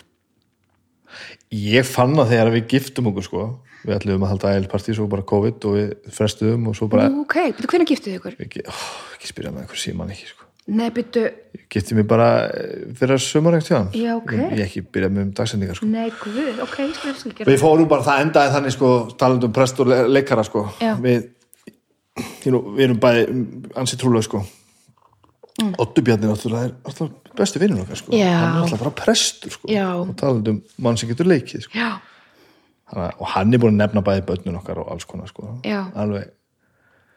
Og við bara nefna, hann er búin að skýra þau, sko, hann er prestur. Já, það eru hverki í kirkjubókum sko. Nú, ok, hann gerði er Nei, en við tölum um þetta mjög, mjög hreint út sko. Já, frábært. Að, og það er bara fallega síðan Já, að geta mæst svona leið bara og, og, og fá einhvern sem að gerir þetta aðtun og gerir þetta vel Já. og allir fara út glæðir að því að þú veist já, ömmum barnana mína og sko langum barnana mína er ekkert sama að, að, að senda þau út á þess að presturinn gerir það sko. Nei, einmitt. Og þá bara horfum við kringu sig og bara það er allir glæðir eftir þetta, þetta er frábært bara.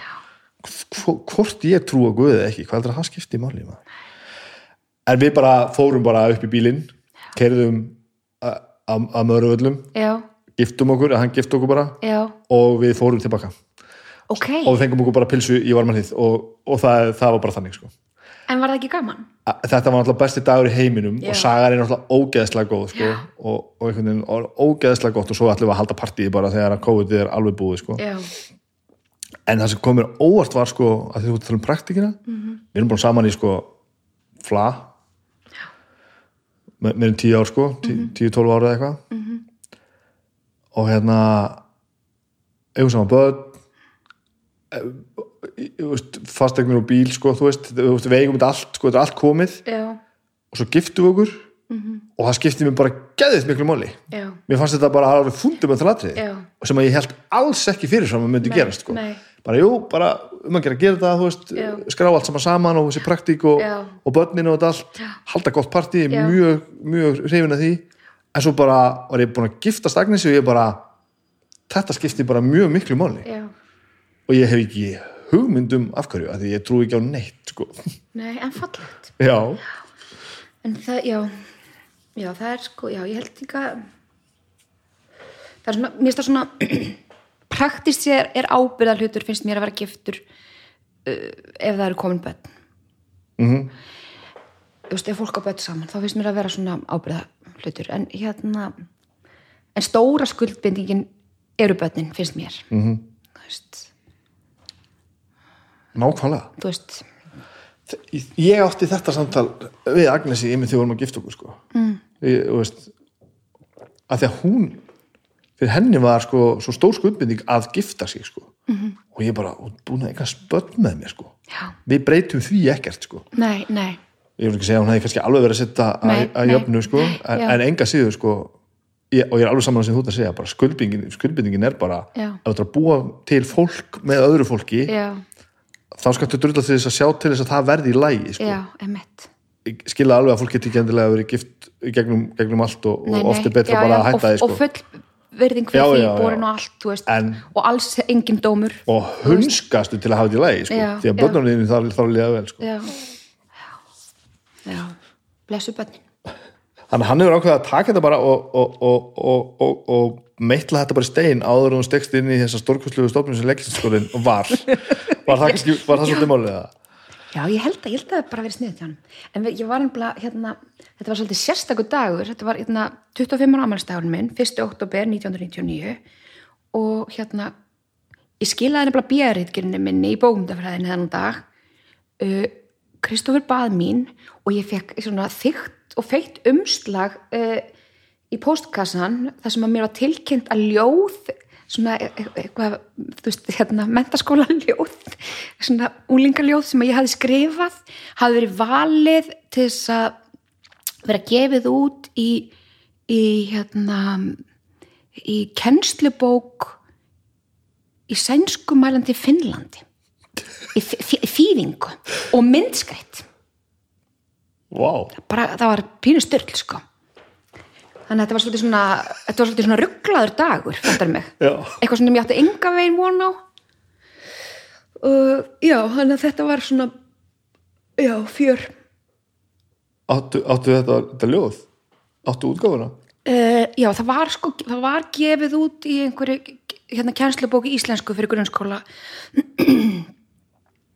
svona uh, bláskinnu eða grænskinnu eða, nei, blákápu eða græn ég man ekki hvað þessar bækur Nei. ég, þetta voru bækur sem voru ekki í nótkunn, eða þær voru ekki komna þegar ég var í grunnskóla, ég, ég er svo gömul. En hérna, þær voru lengi notar blákápa eða grænkápa eða eitthvað svona, það, þar var þetta ljóð. Mhm. það var svona ástasorgar ljóð já, já Svo dramatískur úlingur mm. Já, já, örglega sko. Smá. Gæti verið ég veit það samt ekki ég, nei, líka alveg létt sko ákveðin og byggla já Varstu þá búin að sagt, fá inn í leiklandsskólanum þegar þú ert að útskjásta bókmyndarfæni? Já, já.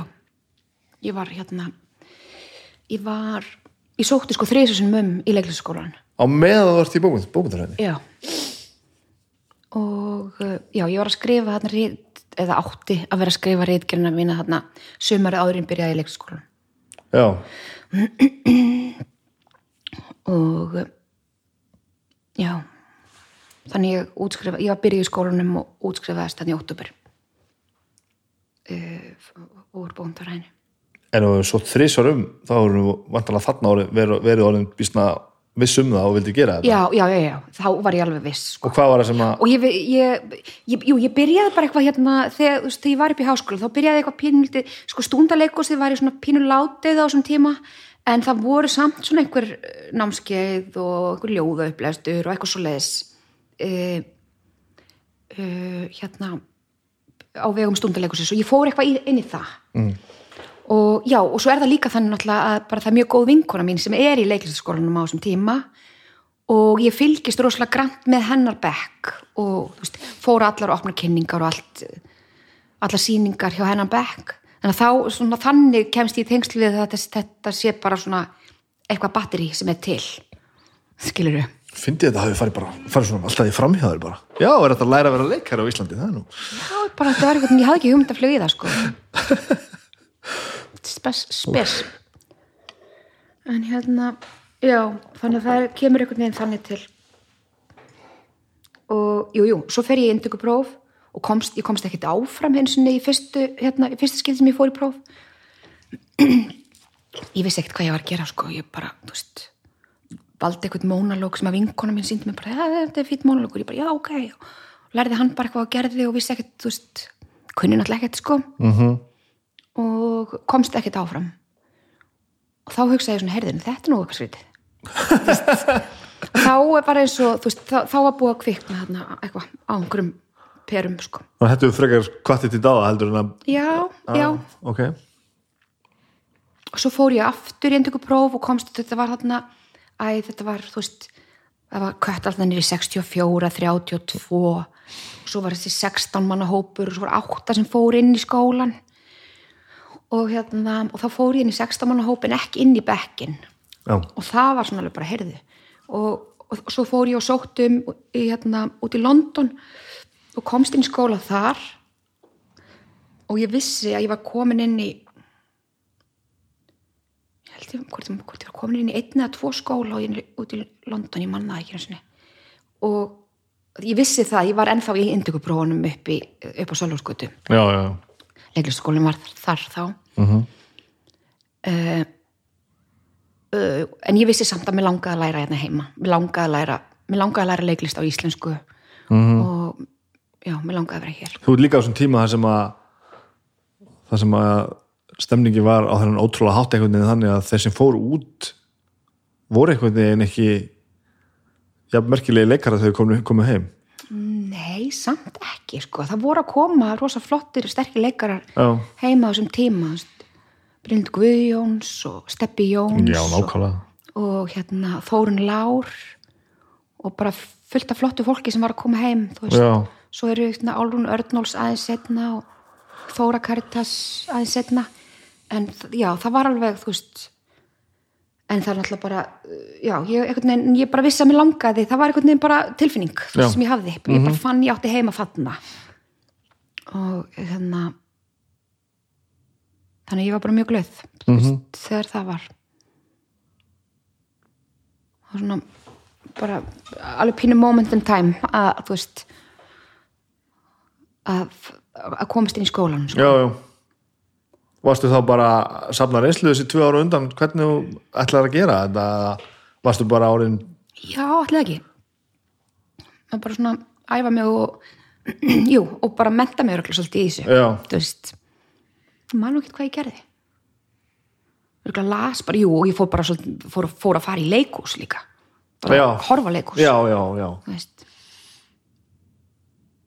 Þetta er, ekki svona fylltir frá lang oftast þegar ég tala við leik, leikara sko, þá bara, já ég var nú staðin upp á kassa þegar ég var tveggjara og man ekki eftir mér og var að flytja mónulóka fyrir Nei, ég fjölskyldu. var kannski svolítið þar ég man eftir mér lítill bara einn ein á stofugólfi veist, ég var í dansskóla og ég var inn á stofugólfi og bara, ég ætla að vera með sýningu hérna í dansskólanum sem ég kannski gerði ekkert skilur, en alls konar pælingar og. Já. en þú veist, ég hafði ekkert ég hafði heldur bara engar fyrirmyndir í umhverju mínu Nei, nei. af þessu. Nei, ég skil ég og hann að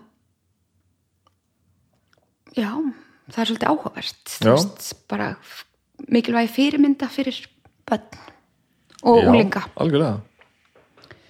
En hérna en það eru samt leikarar í fjölskyldinu minni þú veist hérna þú veist, hérna Arnar Jónsson er, og pappi eru sko sískina börn. já, skilur, en það er einhvern veginn það, er það var einhvern veginn ekki í mínu svona umhverfi. Þannig ég hafði ekki þú veist, ég speiklaði mig ekki í því, fattur Mhm. -hmm. en þú, varst, varst þú í, í leikfélaginu á Húsavík og Ólinn þar og var ekki leikfélag á Húsavík? jú. Nei, ég var ekki, ég var alltaf einhvern veginn að hengja bljós sko. Já, og semja tónlist. Já, og spila kannski tónlist uh, mér leið aldrei vel að leika sko. Nei. Og svo reyndi ég að eitthvað setna og mér finnst það ekki gaman. Og ég er ekki góður í uh, þannig að mitt var alltaf einhvern veginn svona í kring. kringjá, var, var náttúrulega bara svona tæknilega sinnaður, svo bara gaman að snúa tökkum og, og, og, og svona, veist, láta hlutina gerast á baku tjöldin, sko. -hmm. pínu svona pródúsur í mér að, að svona láta þetta gerast. Já, en svo náttúrulega liðið mér vel með að koma fram, sko. En, en ég hef ekki í mér þetta að flytja texta sem að ég kann, sko. Nei, nei. Og ég bara, ég hef bara ég lífi bara illa með það bara um leið, sko. Já, já, og svo fattaði ég bara ég þurfti ekki að gera það. Ég hætti því bara, þetta gaf, þetta gaf, gaf engum gleði, hvorki mér nýja þeim sem voru að horfa á bara, hvað er ég að gera hérna? Ertu viss? já, allavega rá, ranga tegunda gleði skulum við segja. Æ. en varstu alltaf í tónlistanámi tónlist að námi Já, sem krakki og unglingur. pappi var tónlistakennari já, ok. Og var, var hérna pí, píónleikari Mhm. en hann var svona uh, hann var svona bara maður sem svona lifði bara hræðist í tónlist einhvern veginn bara fannst þetta allt frábært. Já, og hann og mamma kynnast í sko í hérna tónskóla Reykjavíkur þar sem hann er að spila undir fyrir hana. Það var svo grútlegt sko. Já, ok. Hún kendi stundum eitthvað aðeins á hljóðfæri en hún er grunnskóla kennari já, en tónlistar sko tónlistarmöturinn okkur var bara svona, það er bara gítar hér. Gjör svo vel. Já, og, og, og það er bara flauta þarna og munnhúspa og píanói stendur hér. Farið í hljóðfærin. Og það er, e- það er ekkert heilagt og, og, og það er ekki sko það er ekki verið að segja neinum að þetta sé erfitt sko. nei, einmitt og þarna var bara alltaf tónlist og, og Já. ég skildi það alltaf ekki fyrir bara ég var komin hátt á, á, á aldur sko, að, að, hérna, á fullorðsaldur að þetta væri ekki bara frekar eðlilegt Nei, veist, að læra hljóðfæri, það tekur bara nokkra vikur sko. já, en einhvern veginn, þú veist, þá fattar maður að fólk bara svona, "Já, ég var alltaf alltaf að læra gítar alltaf alltaf að læra gítar það, þú veist, það, læra gítar það bara Já. Það tekur bara miklu stitt í tíma heldur en að horfa á allt frend sko.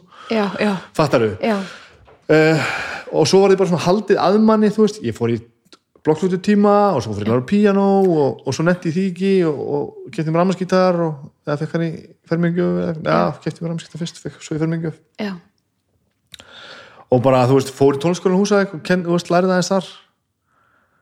Uh, en svo bara hætti ég sko og það var ekkert mál, sko. Þannig að þetta var ekki, sko, var ekki verið að búa til tónlistarmann úr manni eða, þú veist, velduðu nú hljóðfærið þitt og Nei. masteraði það Nei, nema ég hefði viljað sko.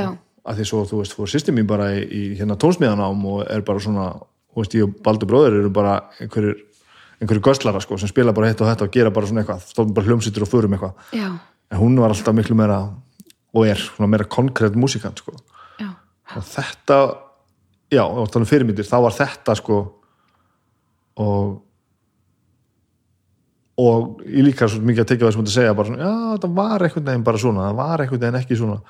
Að ég veldi sér ekki, eins og ég segi, ég veldi Nei. ekki fyrir mig fyrir svo ótrúlega seint. Nei, akkurat en þá er þetta svona eiginlega bara kemur tónlistin eins og þú ert að lýsa þessu, þá kemur tónlistin pínu bara svona eins og með móðumjölkinni pínu, þú veist, það eru bara Hún á um heimilinu og- og það er bara, þú veist, þannig að það er bara svona algjörlega já.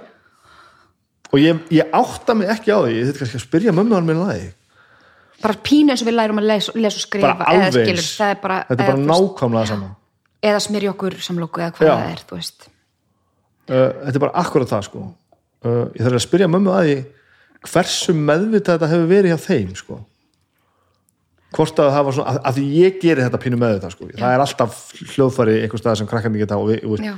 og um leið og einhver raular eitthvað Já. þá tek ég upp hljóðfærið og byrja eitthvað svona Já. að spila með því og, og þú, þau spila eins og þau geta og trómur hennum allt og eitthvað svona já, þannig ég er svona ég, að því ég uppgötaði hvernig þetta var í mínu í minni æsku, þá reyni ég svolítið, svolítið að búa eitthvað af því til sko. já, ég þarf að spyrja mömmu að því hvort þetta hafi verið sko markvist hjá þeim eða hvort þetta hefur bara einhvern veginn verið svona sko. pappi var, ætlaði ekki verið meira svona bara, ég held það, bara, svona. ég held það sko pappi var einhvern veginn bara svona, hann bara spila allt Já.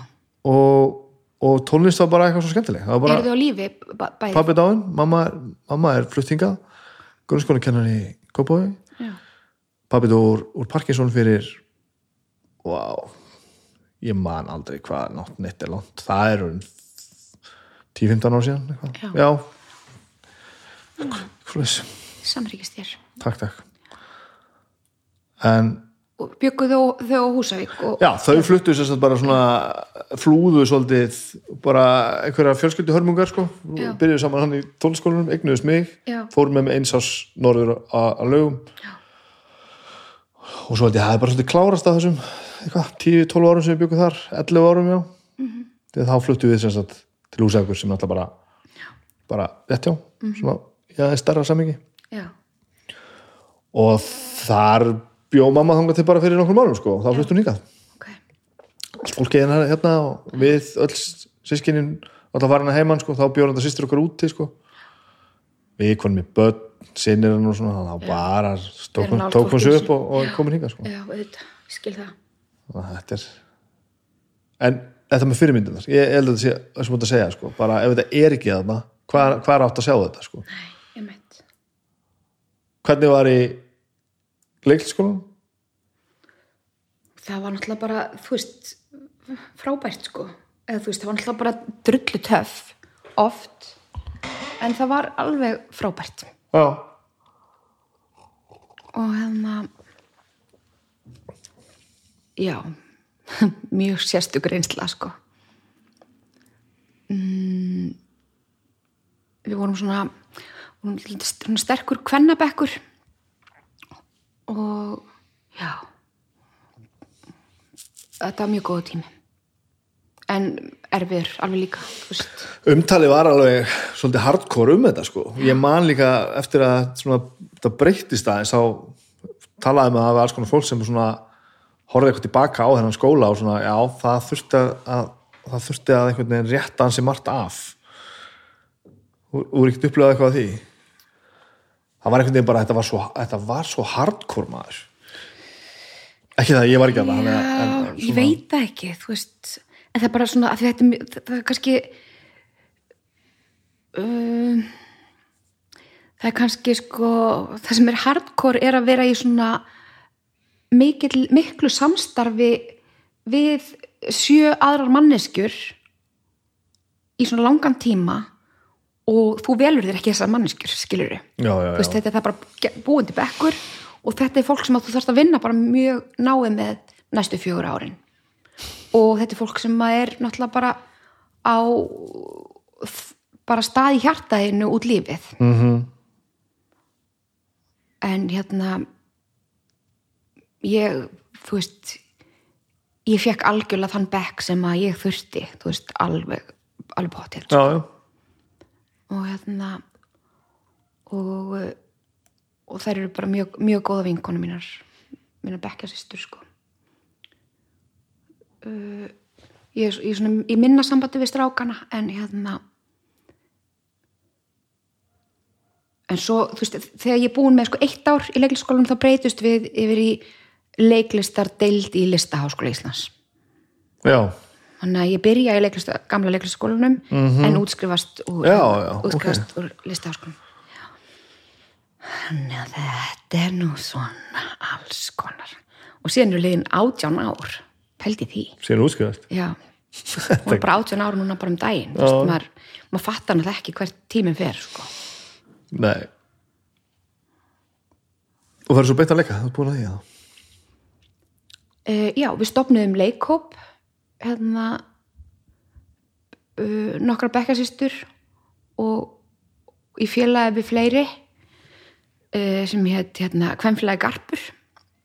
Og settum upp sýningu í listasafni Íslands. Og svo svona hérna, já vatt eitt af öðru. Þannig að já, ég er búin að vera svona fást, fást við leiklist. Ég bland við annað og batnignir Hvernig byrjuðu það? uh, elsta batni mitt er fætt uh, í mars 2005 ég útskrifast þannig 2003 þannig ég verði ófrísk frekar svona fljótt eftir útskrift. Já, já, hann er uh, elsti strákurinn okkar er, hann er 16 ára, hann er að fara að byrja í mentaskóla í haust. Fuck. Ég veit. Og já og svo erum við með stelpu sem er að klára annan bekk sem er hérna, já, fætt 2013 uh -huh. Ég, mitt sko Eldra barnið mitt er að klára leikskólan sko, það, ég, það er bara en þú ert eitthvað yngri en ég, er það ekki? Ég fætti 78 Já, ert fjórum árum yngri en ég. Ég fætti 74. Já Maður ásand ekki að þeirra ára börn sem maður er 43 sko Það er bara ekki þannig Ég er bara maður á bara að vera hún afi sko. Þú veist ég er alveg með það. Ég þarf bara að beita sjálfa mig öllu, öllu, öllu þeim, þeim aga sem ég á til bara þú veist að bara að sinna þessu sko. Já, óska að ég geti orðað þetta eitthvað meira fallega nei, maður, hérna, maður á ekki endilega, maður á ekki að vera að býða með batningur nett og lengi held ég. Nei, Það er engin ástæð. að móti kemur samt sund sko. til dæmis eh, á ég, á ég náttúrulega sko, bö- börn með mannesku sem að henda mér fullkomlega sko. við erum frábært heimi sko. þannig að veist, ég svona var komin þangað allavega ef ég hef gert þetta fyrir þá þetta verið svona sjálfsagt ekkert sæðilegt en og svo er náttúrulega, þú veist ég veit margt, sko, sem Já. ég vissi ekki því ég var 20 ára og það vinnur sumt með mann og annað kannski bara gegn manni, sko en, en ég finna alveg stundum, maður er svona bara já, já, Já. þú veist Nei, þetta, ég, hérna mamma, mamma og pappi voru mjög unga eiga mig Mhm. -hmm. og fullorðin, svo ég systur sko, sem er, já, allsystur sem er 25 árum yngri en ég Vá, þannig að þú voru unga eiga mig og fullorðin eiga hana og ég, þú veist, það er fleiri eða? já, það er eitt bróðir í milli sem er sjö árum yngri en ég, ég Þessi dreifing maður já, og hérna ég var alltaf meðvituð um að ég ætlaði ekki að eignast börn eftir færtugt þú veist, það var svona ég var, já Kom, býttur við, nú, nú ertu alveg af hverju? Nei, það, ég, bara út af þessu sem við erum að ræða Já, ég vissi bara, þú séð það veist, bara, þetta. já, Já, þetta er bara, það tekur á að vera með lítil börn þú þetta þarf, þarf það þarf orku í Já, Út það er bara algjörlega og þannig. vökunætur og, og þú veist, hlaupa á eftir þessu og, og bara komið veg fyrir að þetta fyrirfæri sér sko, já ég, það er það sem ég á erfiðast með sko. veist, ég er að verða komin út úr þessu sko. já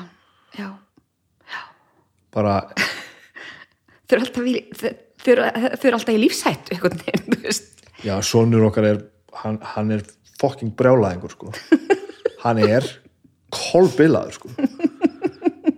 og, ég, og það það bara hann er sem betur fyrir hann er þryggja háls hann er bara, það er það er svona að er bara að komast inn í hausin á honum Já. að hann, hann bara getur ekki gert Nei. allt á þess að eitthvað hræðilegt gerist Nei, ég get, já, ef ég stekni onni þessa sundlaug þá mun ég ekki geta haldið mér á floti Já, veist, það er svona aðeins að koma Já. sko.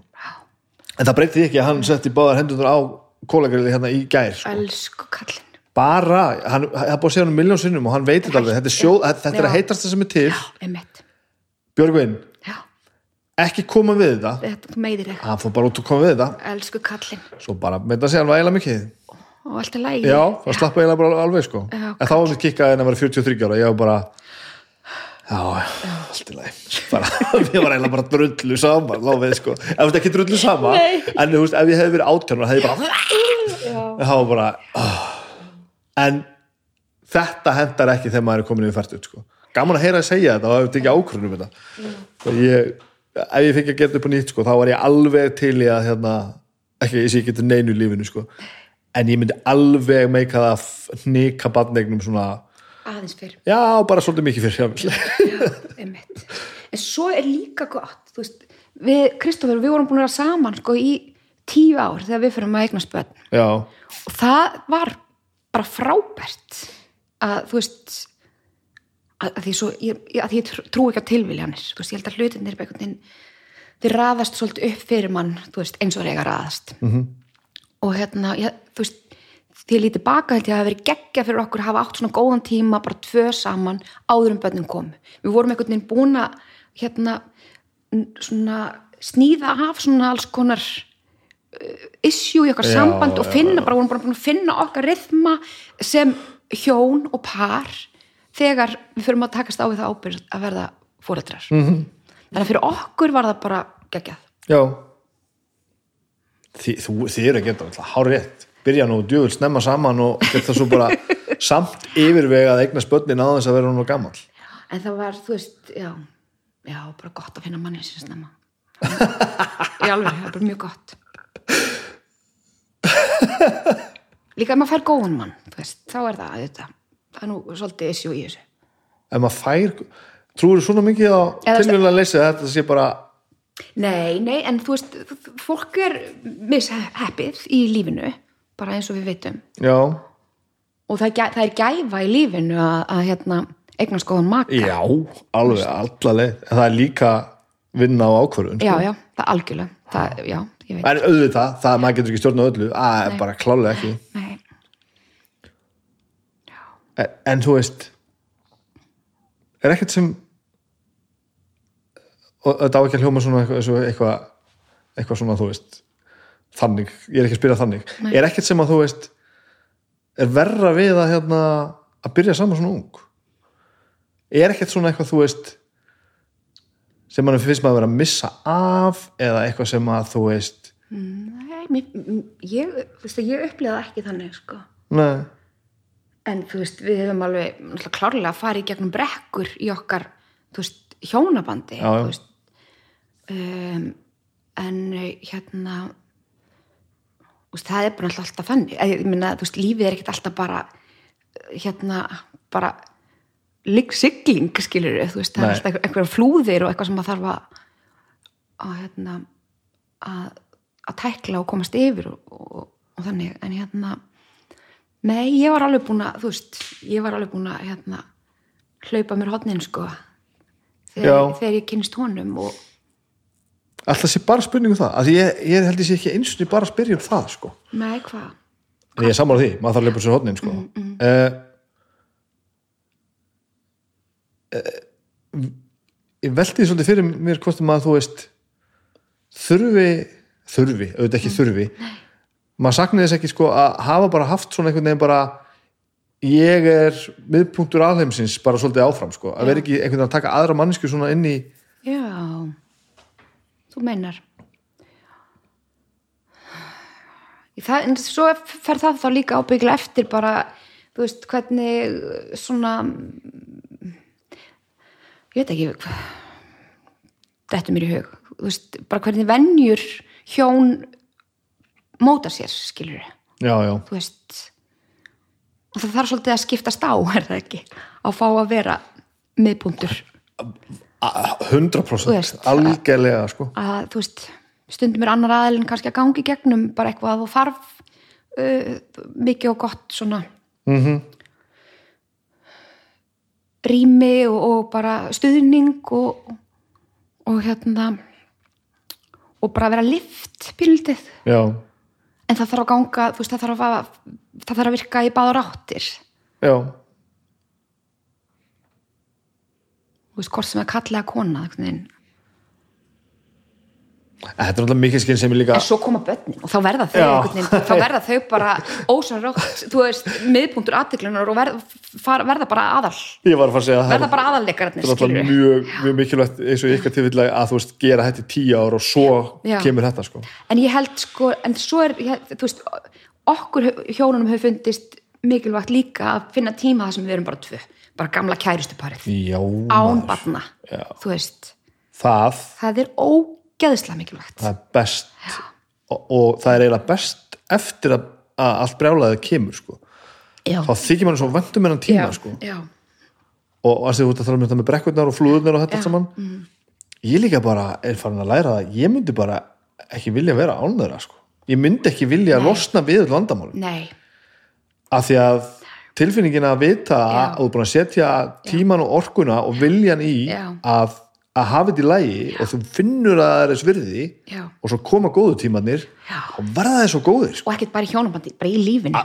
Klálega veistu hvað, hérna ein besta mynd sem ég hef séð, fólk finnst gali því ég segi þetta, en ein besta mynd sem ég hef séð er Truman Show. Ég fór að sjá Truman Show og ég vissi ekki um hvað hún var. Okay. Ég vissi ekkert um hvað hún var, ég fór í háskóla bjó bara, þú veist, horfa. Og þannig ég var að fatta á sama tíma Já. og Truman Já, já, þú veist, bara þegar kastarinn dettur mannstu neyri jörðina og, og allt þetta, skri- akkur þetta svona skrít veist, ég var að fatta um leið og hann. Og þetta, þetta hún já, hún breyti pínlítið lífi mínu sem bíómynd. Að því að hérna að þarna höfum mann sem er bara býr í bómull. Bara, þú veist, þessi tilraun eða þessi sjónvarsþáttur bara maður sem er með hefur fullkomna líf. -hmm. en hann þrýfst ekki. Veist, við, við þurfum hérna við þurfum dýnamíkina sem er í pínu sko núningi og hafa fyrirlutunum og átökum. -hmm.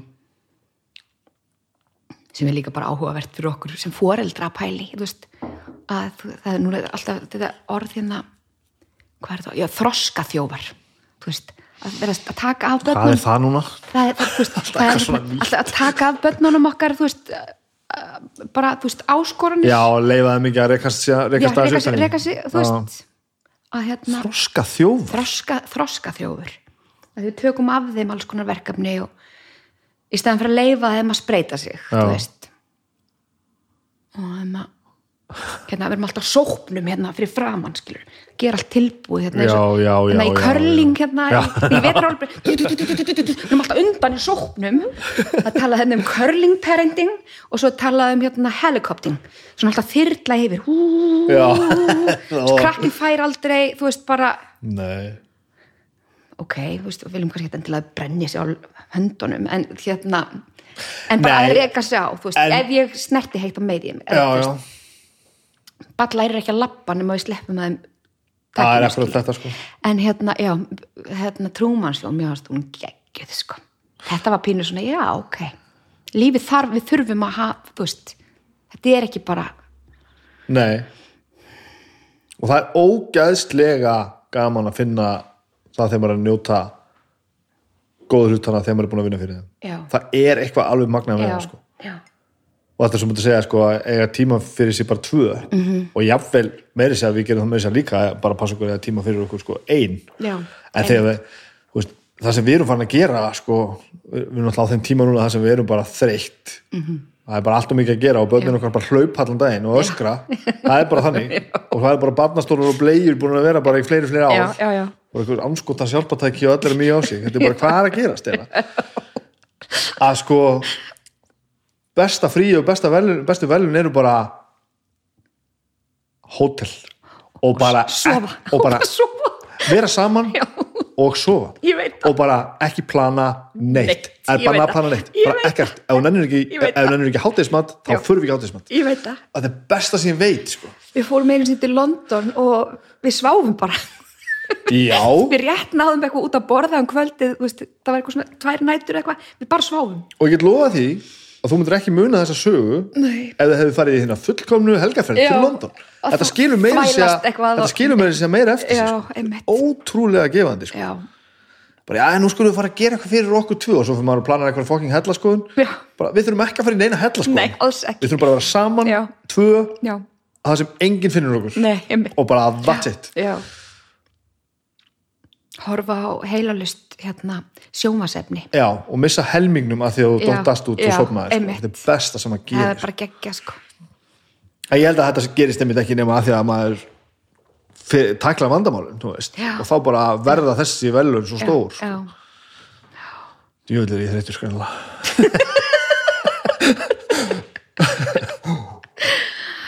Ó, já. en þetta er já, þetta er, þetta er stuð sko en hvað svo með að þú veist að þú veist að segja að þú hefur verið að leika og svo eitthvað fleira á með? Já, ég, sko ég tók hérna ég tók listkennslu réttindi uh, bætti því við mig uh, þannig ég hef, þú veist, ég var aðeins að hérna, fástu kennslu. List, kennslu réttindi? Já, ég, bara, þú veist, ég, ég, ég fór í listaháskólan og tók hérna kennslu réttindi, basically. Já. Og að því ég var búin með bómyndafræðina ég hef, ég hef leifi til að nota starfsheitið grunnskólakennari. What, býtur við. sem er crazy, já, ég veit. Hvernig kemur það heim og saman? Uh, að ég tók, ég tók kennslurétti búm, og, og, og svo hef ég leiði til að nota starfsettið uh, uh, bókmentakennari á framhaldsskólastíði að ég var búin með bókmentarhæna og uh, leiklistakennari á framhaldsskólastíði en ég hef aldrei, aldrei kent bókmentir á, á framhaldsskólastíði en ég hef kent leiklist. Og, og hérna og svo hef ég verið svona þess að uh, já ég er náttúrulega svona bara kannski, þú veist, ég get eða ekki kallað mig kennara finnst mér sko, ég er svona hobbykennari kannski. En af, af, af hverju? Þú veist, er þetta eitthvað sem er langar að gera? Nei, ég bara, því hérna, þú veist, það var lítið að gera hjá mér í, leik, í leikúsinu og ég ákvað að skella mér í þetta nám. mm -hmm. En ég ber mikla virðingu fyrir fólki sem að, uh, hérna, gerir kennslu að sínu, sínu fæi Mm út lífið. Þetta er, þetta er alveg töff bransi, sko. Þetta er, uh, rosa vera kennari. Ég sé þetta bara, mamma minn er grunnskólakennari sko, Já. hún er besti kennari í heiminum Á hvað sko. stýr hún?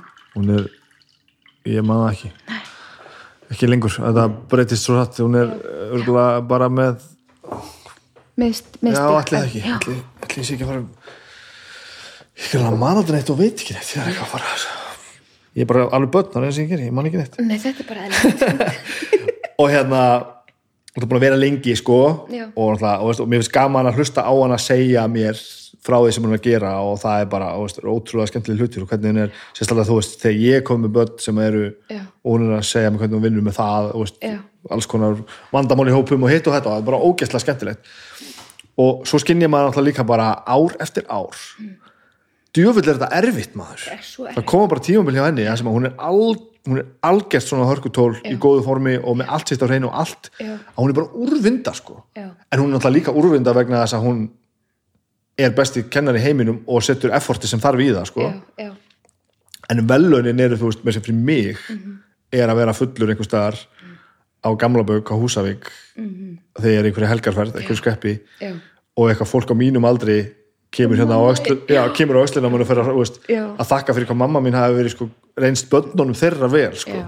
Og þá bara djöfull skiptir þetta miklu máli. Já, en fallegt, já. Og hún er, bara, og hún er bara á fullu missjóni Já, með, með sitt vision full force alla daga að kenna öðrum og reyna að láta hann líða sem best og senda þau áfram þannig, þannig þau getur pluma sig á sem, á sem besta máta veit, þetta eru ofurhetjur sko. Og þetta er bara Þetta ofurhetjur. og þetta er lífið sko, hún Já. er bara að gera þetta alla efi sko. og pældi þessu fólki í COVID já, já, því. Akkurat maður. Þau bara átt að mæta já, í vinnuna. Já, já, bara töff lögg sko, bara og meðan allir áttu bara að máttu vinna heima, heima frá sér sko, eða skilur að vera- ekki allir en og þetta, já, en það var ekkit val þarna. Þetta fólk mætti bara til vinnu. Líka, í heimsfaraldri sem enginn vissi Nei, veru hvernig myndi fara og þú veist, þá voru allir þú veist, heimsbyðin var að basically að gera í brækunar að hræðslu -hmm. Mhm. en kennarar, þú veist, grunnskólakennarar áttu, grunnskólakennarar á Íslandi Mhm. áttu að mæti vinnuna -hmm. í nákvæmlega löndunum var það ekki þannig þú veist en uh, já já, það var bara og það breytist bara þú veist, það, það gefið út hann bara á föstudegi og svo þetta snúa öllu skólastarfi og á mánuði var fara að stað mm -hmm. og ég held veturinn í vetur þú veist mingur mín skólastjóri í grunnskóla í Hafnafyrði og þetta er búið að þetta er búið að vera styrlað sko. Já, ég held að þessi bara alveg brjálað Já. og bara aukna, aukna álæði við að vera alltaf að vinna eftir nýjum aðferðum. Já, alltaf, alltaf að nýka einhverju til. Breyta þessu, breyta einu. ölla rútínu sem Já, er búin að finna út úr í gegnum tíðina til þess að hlutinni gangi sem best og séu flúent já, endalur sér þröskulda sem Já. þarf að snýða veginn stökku yfir og, og fara framhjá einhverjum hindrunum og, Já. eitthvað, og bara, veist, ég get ekki ímynda mér orku brjálaði sko. já. Bara kennarar eru ekki ekki þær sko. Það kemur á, mjög oft upp í þegar ég tala svona um fólk sko, það kemur alltaf þessi hvað sem það er beint kennar eða leiðbyrjandi eða eitthvað sko kemur þessi eina manneskja sem að og vera fleiri sko á lífsleginni sem að þú einhvern veginn sem bara svona sagði eitthvað við þig eða vann með þér einhvern tíma einhver svona mentor sko og maður fattar bara, þessi manneskja breytti bara öllu sem ég er að já, gera já, og það er bara einhver, ein- kannski bara einhver eitt kennar í einum bekk eða já, sko einmitt það er bara, Já. maður skildi ekki gera lítið úr því hvað, hvað ein manneska getur breytt miklu sko. já, akkurat áttu þú þannig kennara í grunnskóla? sko, mér, mér finnst bara svolítið eins og ég hefði bara verið ógæslega heppin Já. Af því að ég get alveg nefnt allavega þrjár manneskur sko, sem, að svona, sem svona mann eftir sem að einhvern veginn höfðu þannig áhrif á mig að maður svona, já, byttu já, við. þannig að, en ég hef ekki þessa svona einu. Nei, maður á nokkrar sko. Ég myndi segja að í grunnskóla hafði verið Lindarós Mikalsdóttir sem hafði svaka mikil áhrif á mig og var, reyndist mér opaslega vel og var góðið mig og svona kvatti mig áfram. Og uh, að svona, svona sko, hvað maður fari innblástur frá fólki, skilur mm og svo í bókmyndafræðinni þá er það ábyggilega Helga Kress þú veist, sem að svona Já. hafði rosa áhrif. Uh, og já, og svo í leiklistaskólanum þá er það þarna já, það eru nokkra konur alveg frábærar. Hildi Helgason Hafdís Átna og já, bara margt frábært fólk sko. -hmm.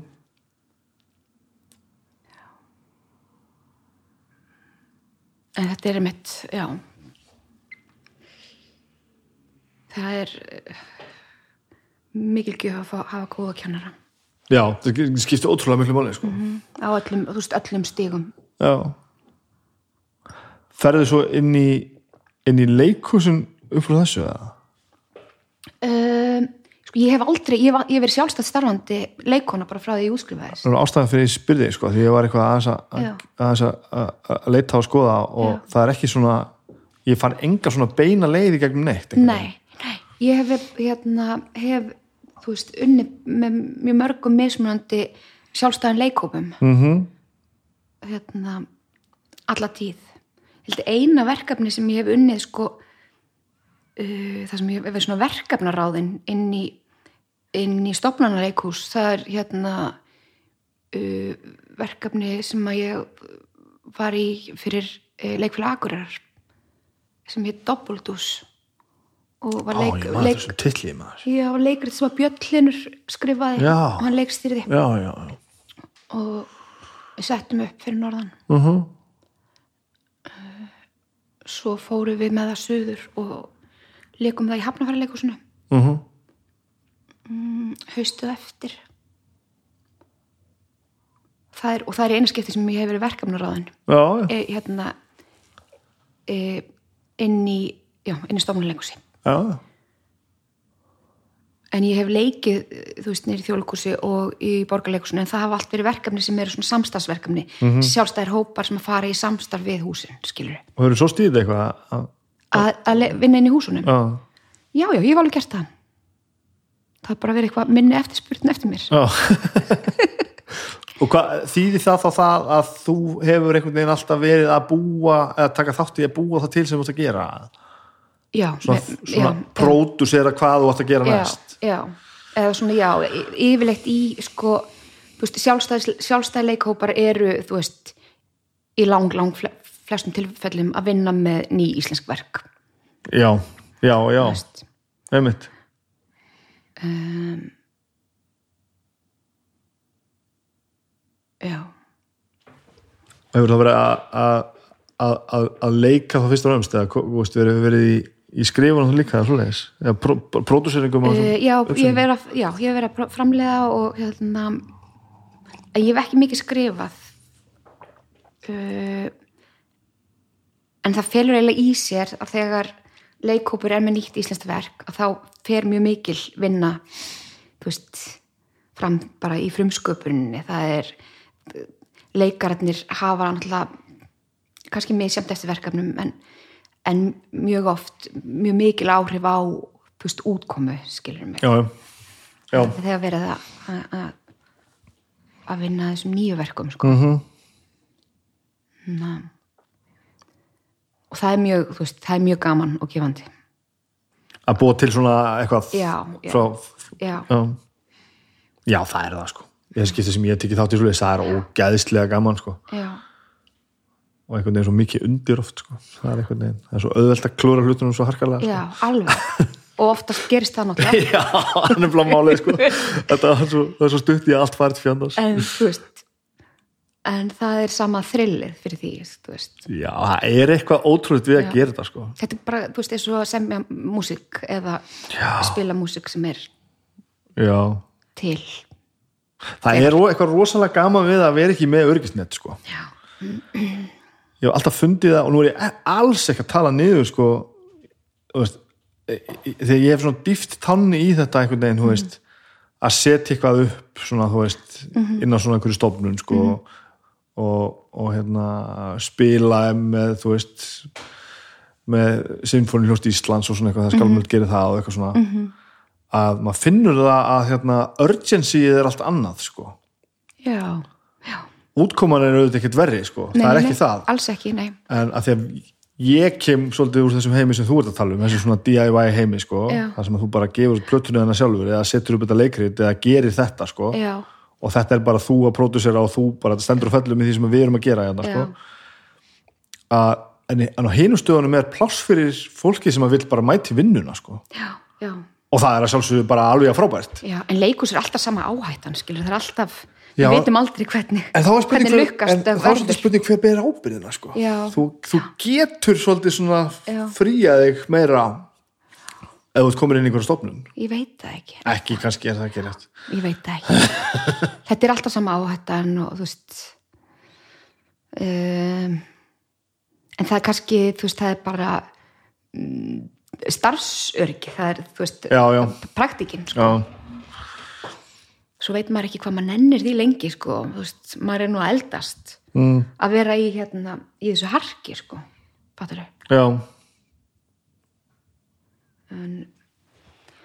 jú, þú veist ég er að oft eh, eitthvað alltaf að taka ákvarðanir. Það var þá fór ég og tók hérna uh, kennsluréttindin. Þá ætlaði ég bara að hætta ég ætlaði að hætta að fást í leiklist sko.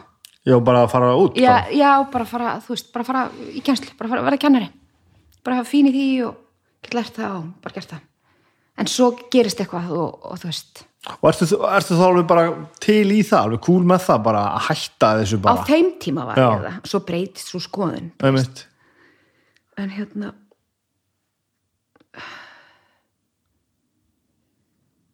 já, ég held, ég held að ég mun aldrei hætta að fást í leiklist. Ég, ég held ekki, sko.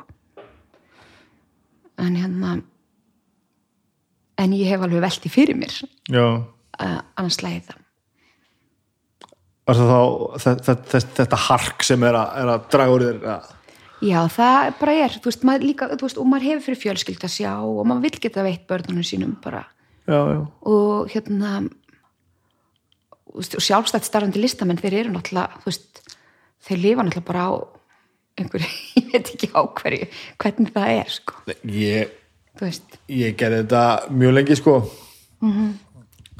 og ég bara endaði á ölsingastofu fyrir ára síðan sko. Já, á hvað auðlýsingastóð ertu að vinna? Pipar, Já, já, ég var bara að gera þetta. Ég var bara að skrifa og þýða og Já. leikstýra og tónlistýra og semja og bla bla bla. Já, já.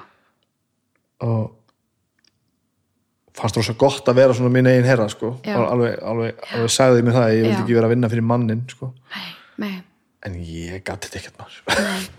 Besta sem ég gert er að Já. finna mér veist, fasta vinnu sem ég lífi vel í. Já, það er bara þá einhvern veginn. Þannig ég tek ofan fyrir fólki sem að og ég, og ég, en ég er náttúrulega skipul sko, ég, ég er svo skipulast laus að það er alveg fáranlegt sko. Já, ég er það líka. Þannig ég eða veist, þannig laga ég, þú veist, já eins og þú kannski heyrir, allt bara einhvern veginn pínu gerst að já, tilvíðum, sko. pínur svoleiðis eða þú veist, kannski ekki tilvíðum að því mannstu, ég, ég trú ekki á tilvíðinu Nei. en hérna, en þú veist í einhverju svona einhvern veginn spurði bara, hvað, ertu með fimm ára plan og ég bara, ha, þú veist, nei en ég er ekki með það sko nei, nei, svo langt því frá sko. Hva, hvað meinar með þú trúir ekki á tilvíðanir? nei, ég held bara að ég held að hlutinni ræðist upp fyrir okkur á ákvæmnátt og á þeim tíma sem, þú veist, þeir komi á þeim tíma sem þeir eiga að koma Er þetta trú- trúar, trúarlegt að Nei, ekkert endilega trúalegt sko. Nei, þú veist, jú, kannski. En ég held bara, ég, ég, nei, ég, bara, ég held að til, það sé ekki til tilvíleganir. eru þá að tala um að sé allt fyrir sem ákveðið er ég að beða um útskýra eitthvað sem maður er ekki hægt að útskýra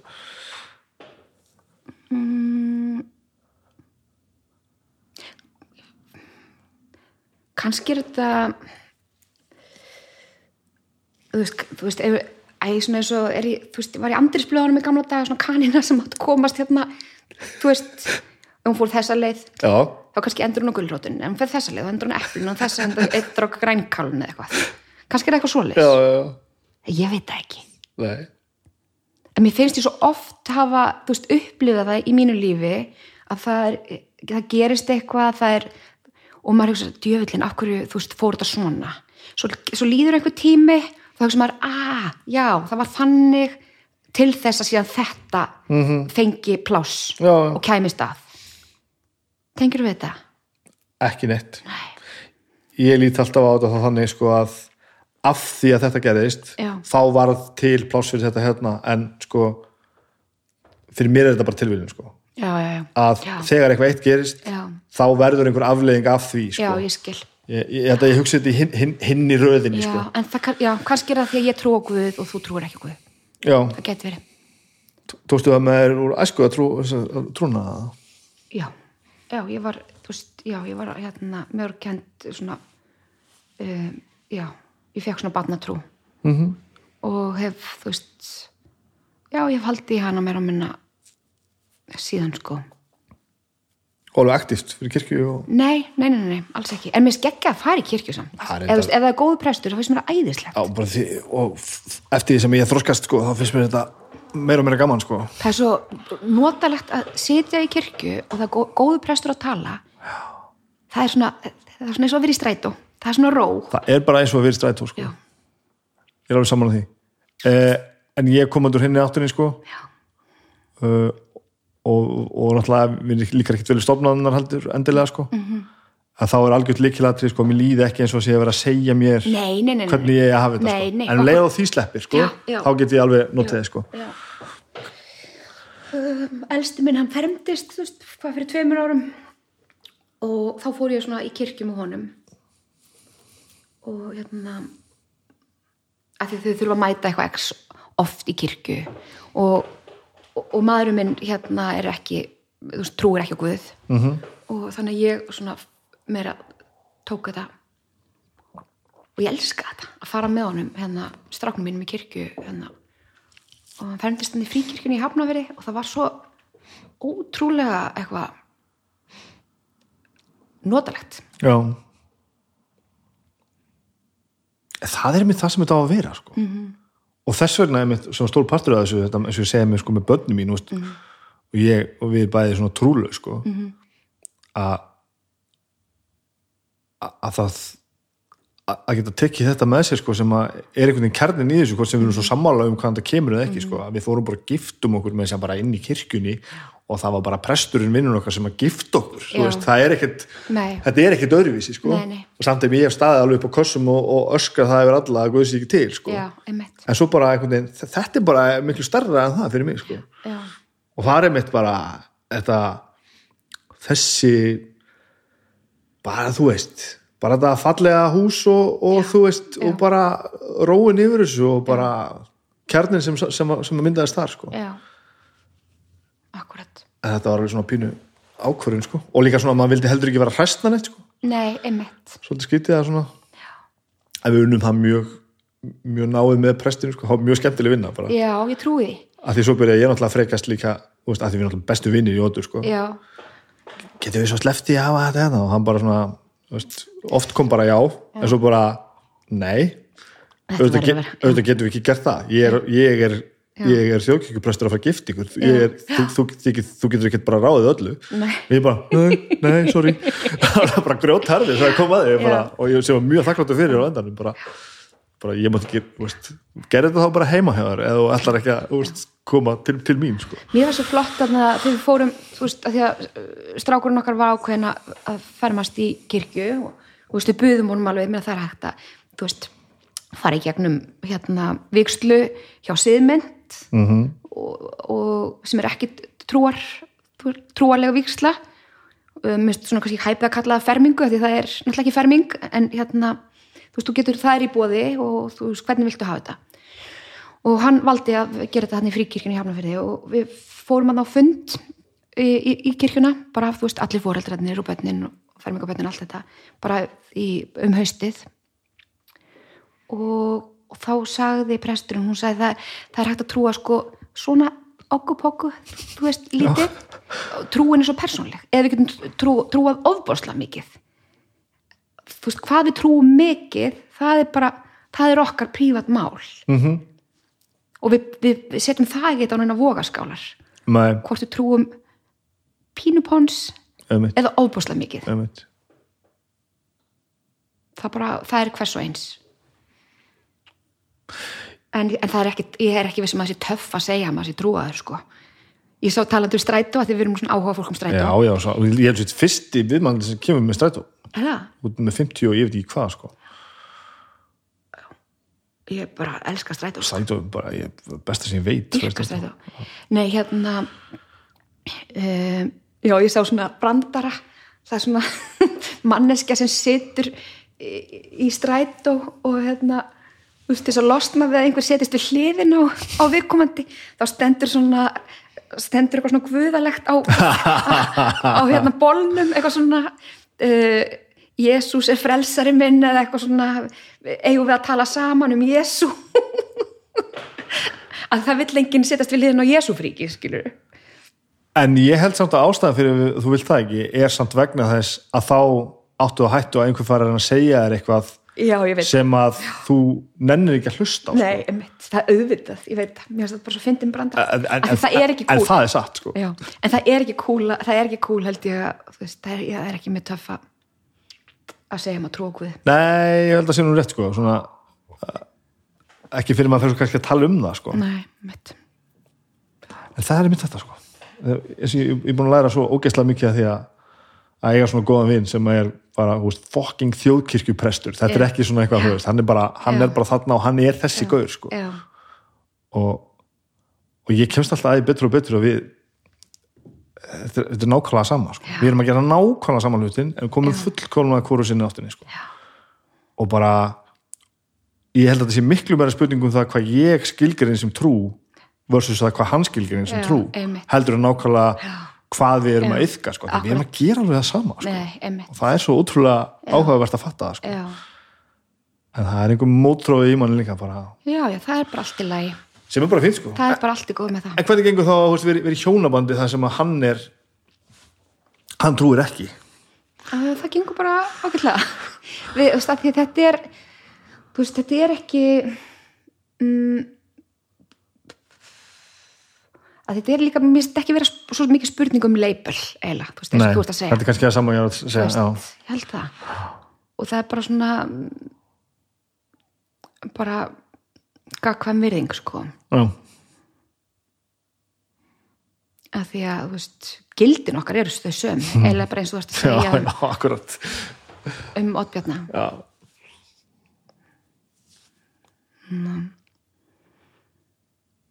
Já, það er svona maður hérna Já, maður reynir bara að vera almennilegur, sko. Það er alltaf snýst einmitt svo alltaf fyrst og síðast um það sko. um allar en að finna ykkur aðferði til þess að vera bara almennileg sko. Já. Slaka þess á dómhörkunni líka. Já, Þú veist. Já, ég held að það sé, mjög rétt sko. í allar áttir. Í allar áttir, sko, þú veist Hvort sem fólk er trúað eða ekki trúað eða úr hverju, þú veist og, og hvaðan og allt það, sko. Aðeins að róa sig með það. Og bara líka varandi stjórnmála skoðanir, finnst mér. Mm -hmm. finnst mér, veist, hægri vinstri snú. Af því að, þú veist, maður er svona einhvern veginn, þegar maður er yngri þá er maður í svartkvítari hugsun, sko tengir við það? Já, 100% þú maður. veist, það er bara allir eru hálfvitar eða hvað, þú veist. En svo bara svona þroskast þetta pínu á manni, sko. Ég þurfti svolítið að læra það að að átta mig á því að það eru allir að reyna að gera hlutin eins vel og þau geta. Já. það er enginn að reyna að hafa rangt fyrir sér eða reyna að vera vondu við einhvern. Nei, þannig að þó þú skilir ekki alveg bara hvað ert að meina með þessu hérna Nei. þá er útgangspunktur þessara mannesku sem er kannski bara, bara ljómandi vel gefin og greint já, útgangspunkturinn er ekki að vera leiðilegur og ósamála að gera ógagn nei, einmitt, þannig að það er einhver stað bara einmitt. Ef ég er að tala við hérna og ég skil ekki hvað það meina Mhm. þá er ég búin að læra það ég, ég geng út frá því bara þetta er gert í einhverjum já, góðum tilgangi sko. já, já, og ég er búin að læra að horfa svo mikið á að tala, tala það sem ég er að gera, gera hérna sko. já bara Af- hitt alls konar fólk. Já, já, og bara veist, fólk sem er bara grjóthart í einhver átt sem ég bara trú ekkert á. Nei, en svo ekki, já. leiðu búin að tala aðeins, aðeins niður fyrir yfirborðið og bara að auðvitað, þú ert bara með þitt já, einmitt. Það er enginn að reyna að vera fíbl sko. nei, allavega mjög fáir. Já, já, ok. Veist, það er alveg hérna já já, já, allir eru að gera sitt besta hvernig er þetta, allir að gera sitt besta og enginn veit neitt. Já, það er það sem þetta er. Enginn veit neitt og allir eru að gera sitt besta. Já, og því, það er bara mjög holdt að lifa til því sko. Hvað hérna þú sagst það að vera flugfreyja. Já, er það svona jobb- sem þú eitthvað sem þú dettur inn í svona bara nei, ég bara, ég, ég flög þarna, ég flög tvö sumur og mér varst það bara sjúklega skemmtileg vinna, sko. Mm Hvernig komst inn í það? uh, ég bara sótt um ég var, þú veist, já, ég var svona sumarfreyja og svo var ég byrjuð að fljúga þarna þegar COVID, þú veist, sett allt í stopp Aha. og hérna ég var mjög til í að vinna það, það, þá vinna aftur, mér finnst það skemmtileg vinna Aha. gaman að hérna og margt líkt með leikhúsinu í fluginu það hérna þetta, sko, þetta er svona krefur mannum mjög náið samstarf Mm og vera sveginlegur og flinkur í eh, þú veist, samvinnu. Og eh, og þetta eru svona heimar sem að fólk eða skilur ekki nema að hafa unnið Já, innan þeirra. Þú veist, leik, ég held að sé eiginlega ekki hægt að skilja leikhúsinu og hafur unnið í, í leikhúsi. -hmm. þú veist af leikhúsheimnum sko, hann er hérna og, og þú færi kannski í leikhús sem áhorandi og eitthvað. En það er ekki alveg hægt að skilja leikhúsinu að hafa unnið einhvern Nei. veginn dýnamíkina og, og þú veist uh, og flug, flugið er bara dalti líkt. Já, og það er líka, þetta er bakterja sem annarkvort færð eða ekki. Að fljúa já, og já. annarkvort ertu komið leikusbakteríu Já, eða já. ekki og þú veist og flugir eins og, og þú finnur það mjög fljótt hvort þetta er uh, hvort þetta er fyrir þig eða ekki. Mm Erst alveg bara alltaf órög við að þú veist bara, að nú ætlum ég að fara á uh, læra að kenna. Og bara, að nú ætlum ég að fara og vera flugfreyja. Er þetta bara tekur bara þessi skrifa á þess að, hugsa um það já, já. Eða þú veist, já, alveg sko. Ég, ef mann finnst eitthvað skemmtilegt og áhugavert svo, svo held ég nenni nú ekkert mikið meira að vera í skóla sko, ég er búin að vera alveg opáslega mikið í skóla. Já, já, kannski ekki endilega það. Ég, líka bara, það er svo auðvelt að bara gera bara það sem maður kann. Og vera ekkert eitthvað að rugga bátnum og mikið að fara eitthvað út fyrir það. Bara svona, Já, já, já. Einmitt. Það komum við aftur að þessu sem við vorum að, tala í byrjun, mástu þetta með, já, hérna litlu örgisbúbluna sína. Íta frá sér aðeins. Já. já. já, nei, það hérna flugið mjög, mjög skemmtileg skemmtilegt að vinna innan þess bransa.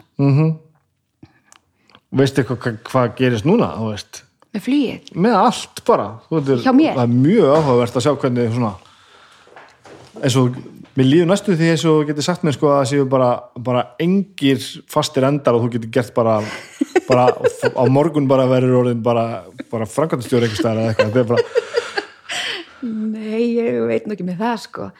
Uh, Ég veit allavega að ég er að fara að leika í, þú veist, í sjónvarsþáttum í sumar. Það nú, og ég veit að ég er að fara að leika hérna upp í borgarleikus tvær sýningar næstu helgi.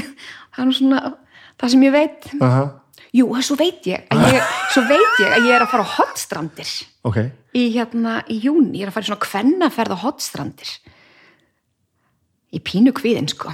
En hérna en mér er lengi langa að vera svona kona sem fer í svona geng á fjöll með svona konum. Finnst það svo fullorðslegt og eitthvað sjarmerandi tilhugsun. Svo er bara komið að þessu og ég er svolítið stressuð sko. Stressu fyrir hverju það? bara göngunni og þú veist ég er að fara hotst, það er ekki eins og símasamband á hotströndum sko. Nei, nei, nei, þú veist, og ég er að fara að vera þannig í viku bara með einhvernum stórum hópi kvenna og, og mér finnst alveg spesa veist, að ég mun ekki ná í mannin minn eða bönnin mín, veist, eða neitt í viku, já, það er svolítið sérsta já. En hvað er þetta að gera þetta allir viss? Erum við ennað þannig búblunum það? að því að mér, hérna bara, þetta var, mér bauðst þetta að fara með þessa ferð og, og mér, mér, mér hefur langað að gera þetta sko, að fara í svona ferð. Og ég veit að ég er aldrei að fara að skipla þetta sjálf. Þannig að þarna bauðst mér að, stekka um borð bara í svona, í svona túr sko, sem maður er bara búið að skipla ekki á þannig að þú veist, þá verðum maður að gera það, er það ekki? Jú, Ég var búin að hugsa þetta til mín einhvern veginn greinlega það er rosa það er rosa öðvöld að segja neyfi svona samt, sko Já, það, já, það sem það er ekki hægt þegar maður er búin að láta sér dreyma um. Nei, nei, nei, nei. En svo verður maður kannski pínur í stressaði, svo, svo verður þetta bara gegja, sko. heldur það ekki? Jó, ég, mér, þetta bara við, ég, ég er svo ánægð með allar uppið þetta sem þetta búið að taka sko. það byrjaði bara úr, öllum landsfjórðungum lág við sko. Og svo bara þanga og hinga og þetta er bara, þetta er rosalegt. Þetta er, mjög, þetta er gott partí sko. En ertu með eitthvað stórt misjón þá? Ertu með eitthvað svona já, koma börnunum mínum til manns. Já, alltaf það hljóta að vera svona missjónið og með það bara, það er mjög auglustlega fremst bara.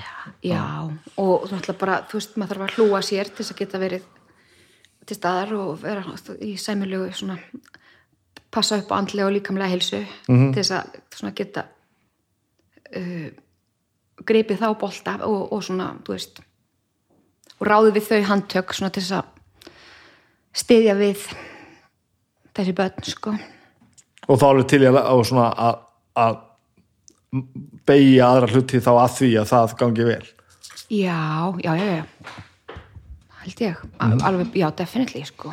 Meinar að þá að færa fórnir til þess að... já, bara Já, það, já, það er, þú veist, það kemur svo eðlilega. já. Finnst þér það ekki, sem fóreldri? Eitthvað neginn, ég þarf að vanda mig samt sko ég er, ég er sjálf hverju sko ég þarf alveg já, en við þurfum, við þurfum að, þú veist, eins klísulegt og það er, það þurfum við að setja, setja súrumskrímuna fyrst á okkur, áður um við setjum á veist, við þurfum að vera andlega og líkamlega heil til þess að geta já, ég held að ég sé ágættur í því en ég held að ég, ég þurfi að vanda mig við að ég geng of lengi út frá því að hlutirnir sleppi fyrir hótt ég vil liði vel og allt svo leiðis en mér langar svo mikið að gera þetta og ég geri það kannski aðeins svo lengi og aðeins svo mikið að að ég er svona mér langar að þetta myndi allt saman sleppa. Já, og þá þarf ég svona aðeins að draga í land að því ég er komin eitthvað aðeins út í hótt sko. já, já. Minnum við lendum ábyggilega allir því þú veist, alveg potjætt sko, held ég. En og svo er líka, þú veist, þetta með andlegu heilsunum, maður þarf að hafa, vera andlega heill til þess að vita, sko, og í andlegu formi til að vita hvenær á ég að sleppa tökunum og, og að þessu batni og leifa því að spreita sig, þú veist. Já. Hæ, hvað hvað er verið að leggja á mann maður? þetta er ekkit hægt. Maður bara fær bara mannesku í hendurnar og maður þarf að lega þarf Já. maður að ákveða hvað hann heitir. Það er nú nógu rosalegt sko. Já. hvernig ég að ákveða hvað einhver heitir? Það, það er þetta er bara ábyrð sem ég er bara ekki tilbúin í. Rosalega ábyrg og svo, og svo bara einhvern veginn bara líða dagur og bara ég þarf bara að redda þessu. Það er bara þannig sko. en hvar verður þá bara þegar að út úr gömul? Veistu ekkert Ég veit ekki sko örgli hafnafyrði en ég, ég væri alveg til í að hérna yfir svona köldustu, dimmustu mánuðin að búa einhvers staðar sunnarlega. Já, og mér langar að sko fara að skrifa meira. Mm. og ég, þú veist, ég gerði til hún ég, að því að ég er búin að vera leiðin að skrifa leikrit bara síðan ég var skrifast í leikritskólanum og svo svona besta kannski að býða hans með það. En hérna, ég skrifaði sko örleikrit í fyrstu bylgjun í COVID. Ok. Og mér fannst það svo gaman að eh, ég ætla að gera meira. Mm Le leikrit sem sagt. Já, já. og hérna uh, kannski er það eitthvað svona sem maður getur gert bara í ellinni. Bara skrifa.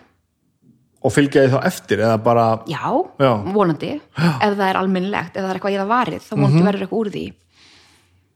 Mm, og það er líka alltaf notalegt sko við það að skrifa, þú getur gert það hvað sem er. Mm þú veist, þú ert ekki bundin við að vera á Íslandi eða já, þú meina þannig já, Já. já, já, já, já, emitt þannig að já, það er eitthvað sem ég hugsa að ég, ég munir reyna að láta þess reyna á. Með, þetta með demasta tíman eftir bara, bara þess að flýja skamdið og það meina það? Bara, já, bara líka mér, bara mér finnst næs að vera í bara aðeins hlýra og hérna, þú veist, já. Já. höfum, þetta er svona eitthvað sem við höfum rætt hjónin að getum hugsað okkur.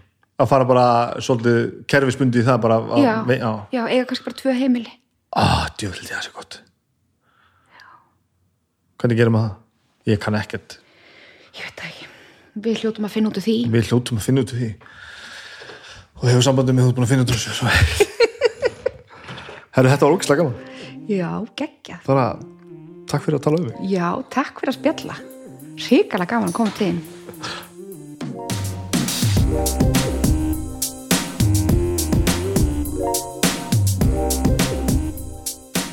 Það er nefnilega sama hvaðan gott kemur.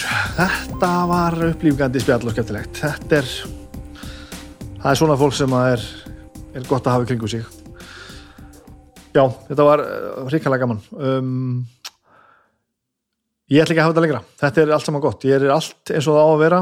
Um, þegar ég tala þetta, um, þetta er svolítið síðan ég tók viðtalið við Marjuhöpu, en ég var að enda við að taka annað viðtal hérna rétt á hann.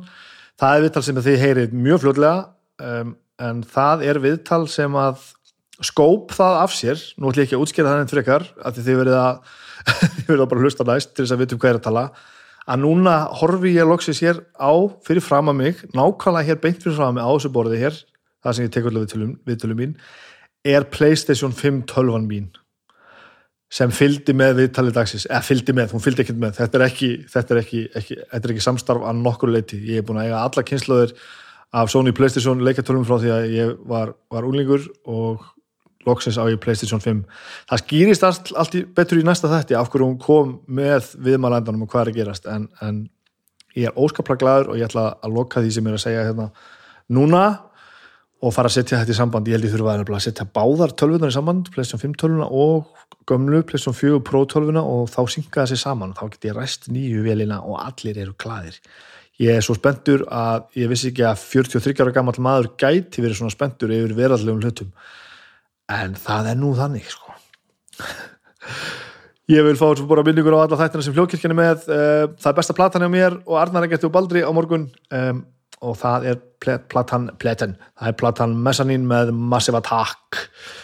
Þannig að það er skemmtilegt þetta er allt svona hrikalega skemmtilegt og þetta verður ennþá skemmtilega þegar ég er búin að, ræsa vélina.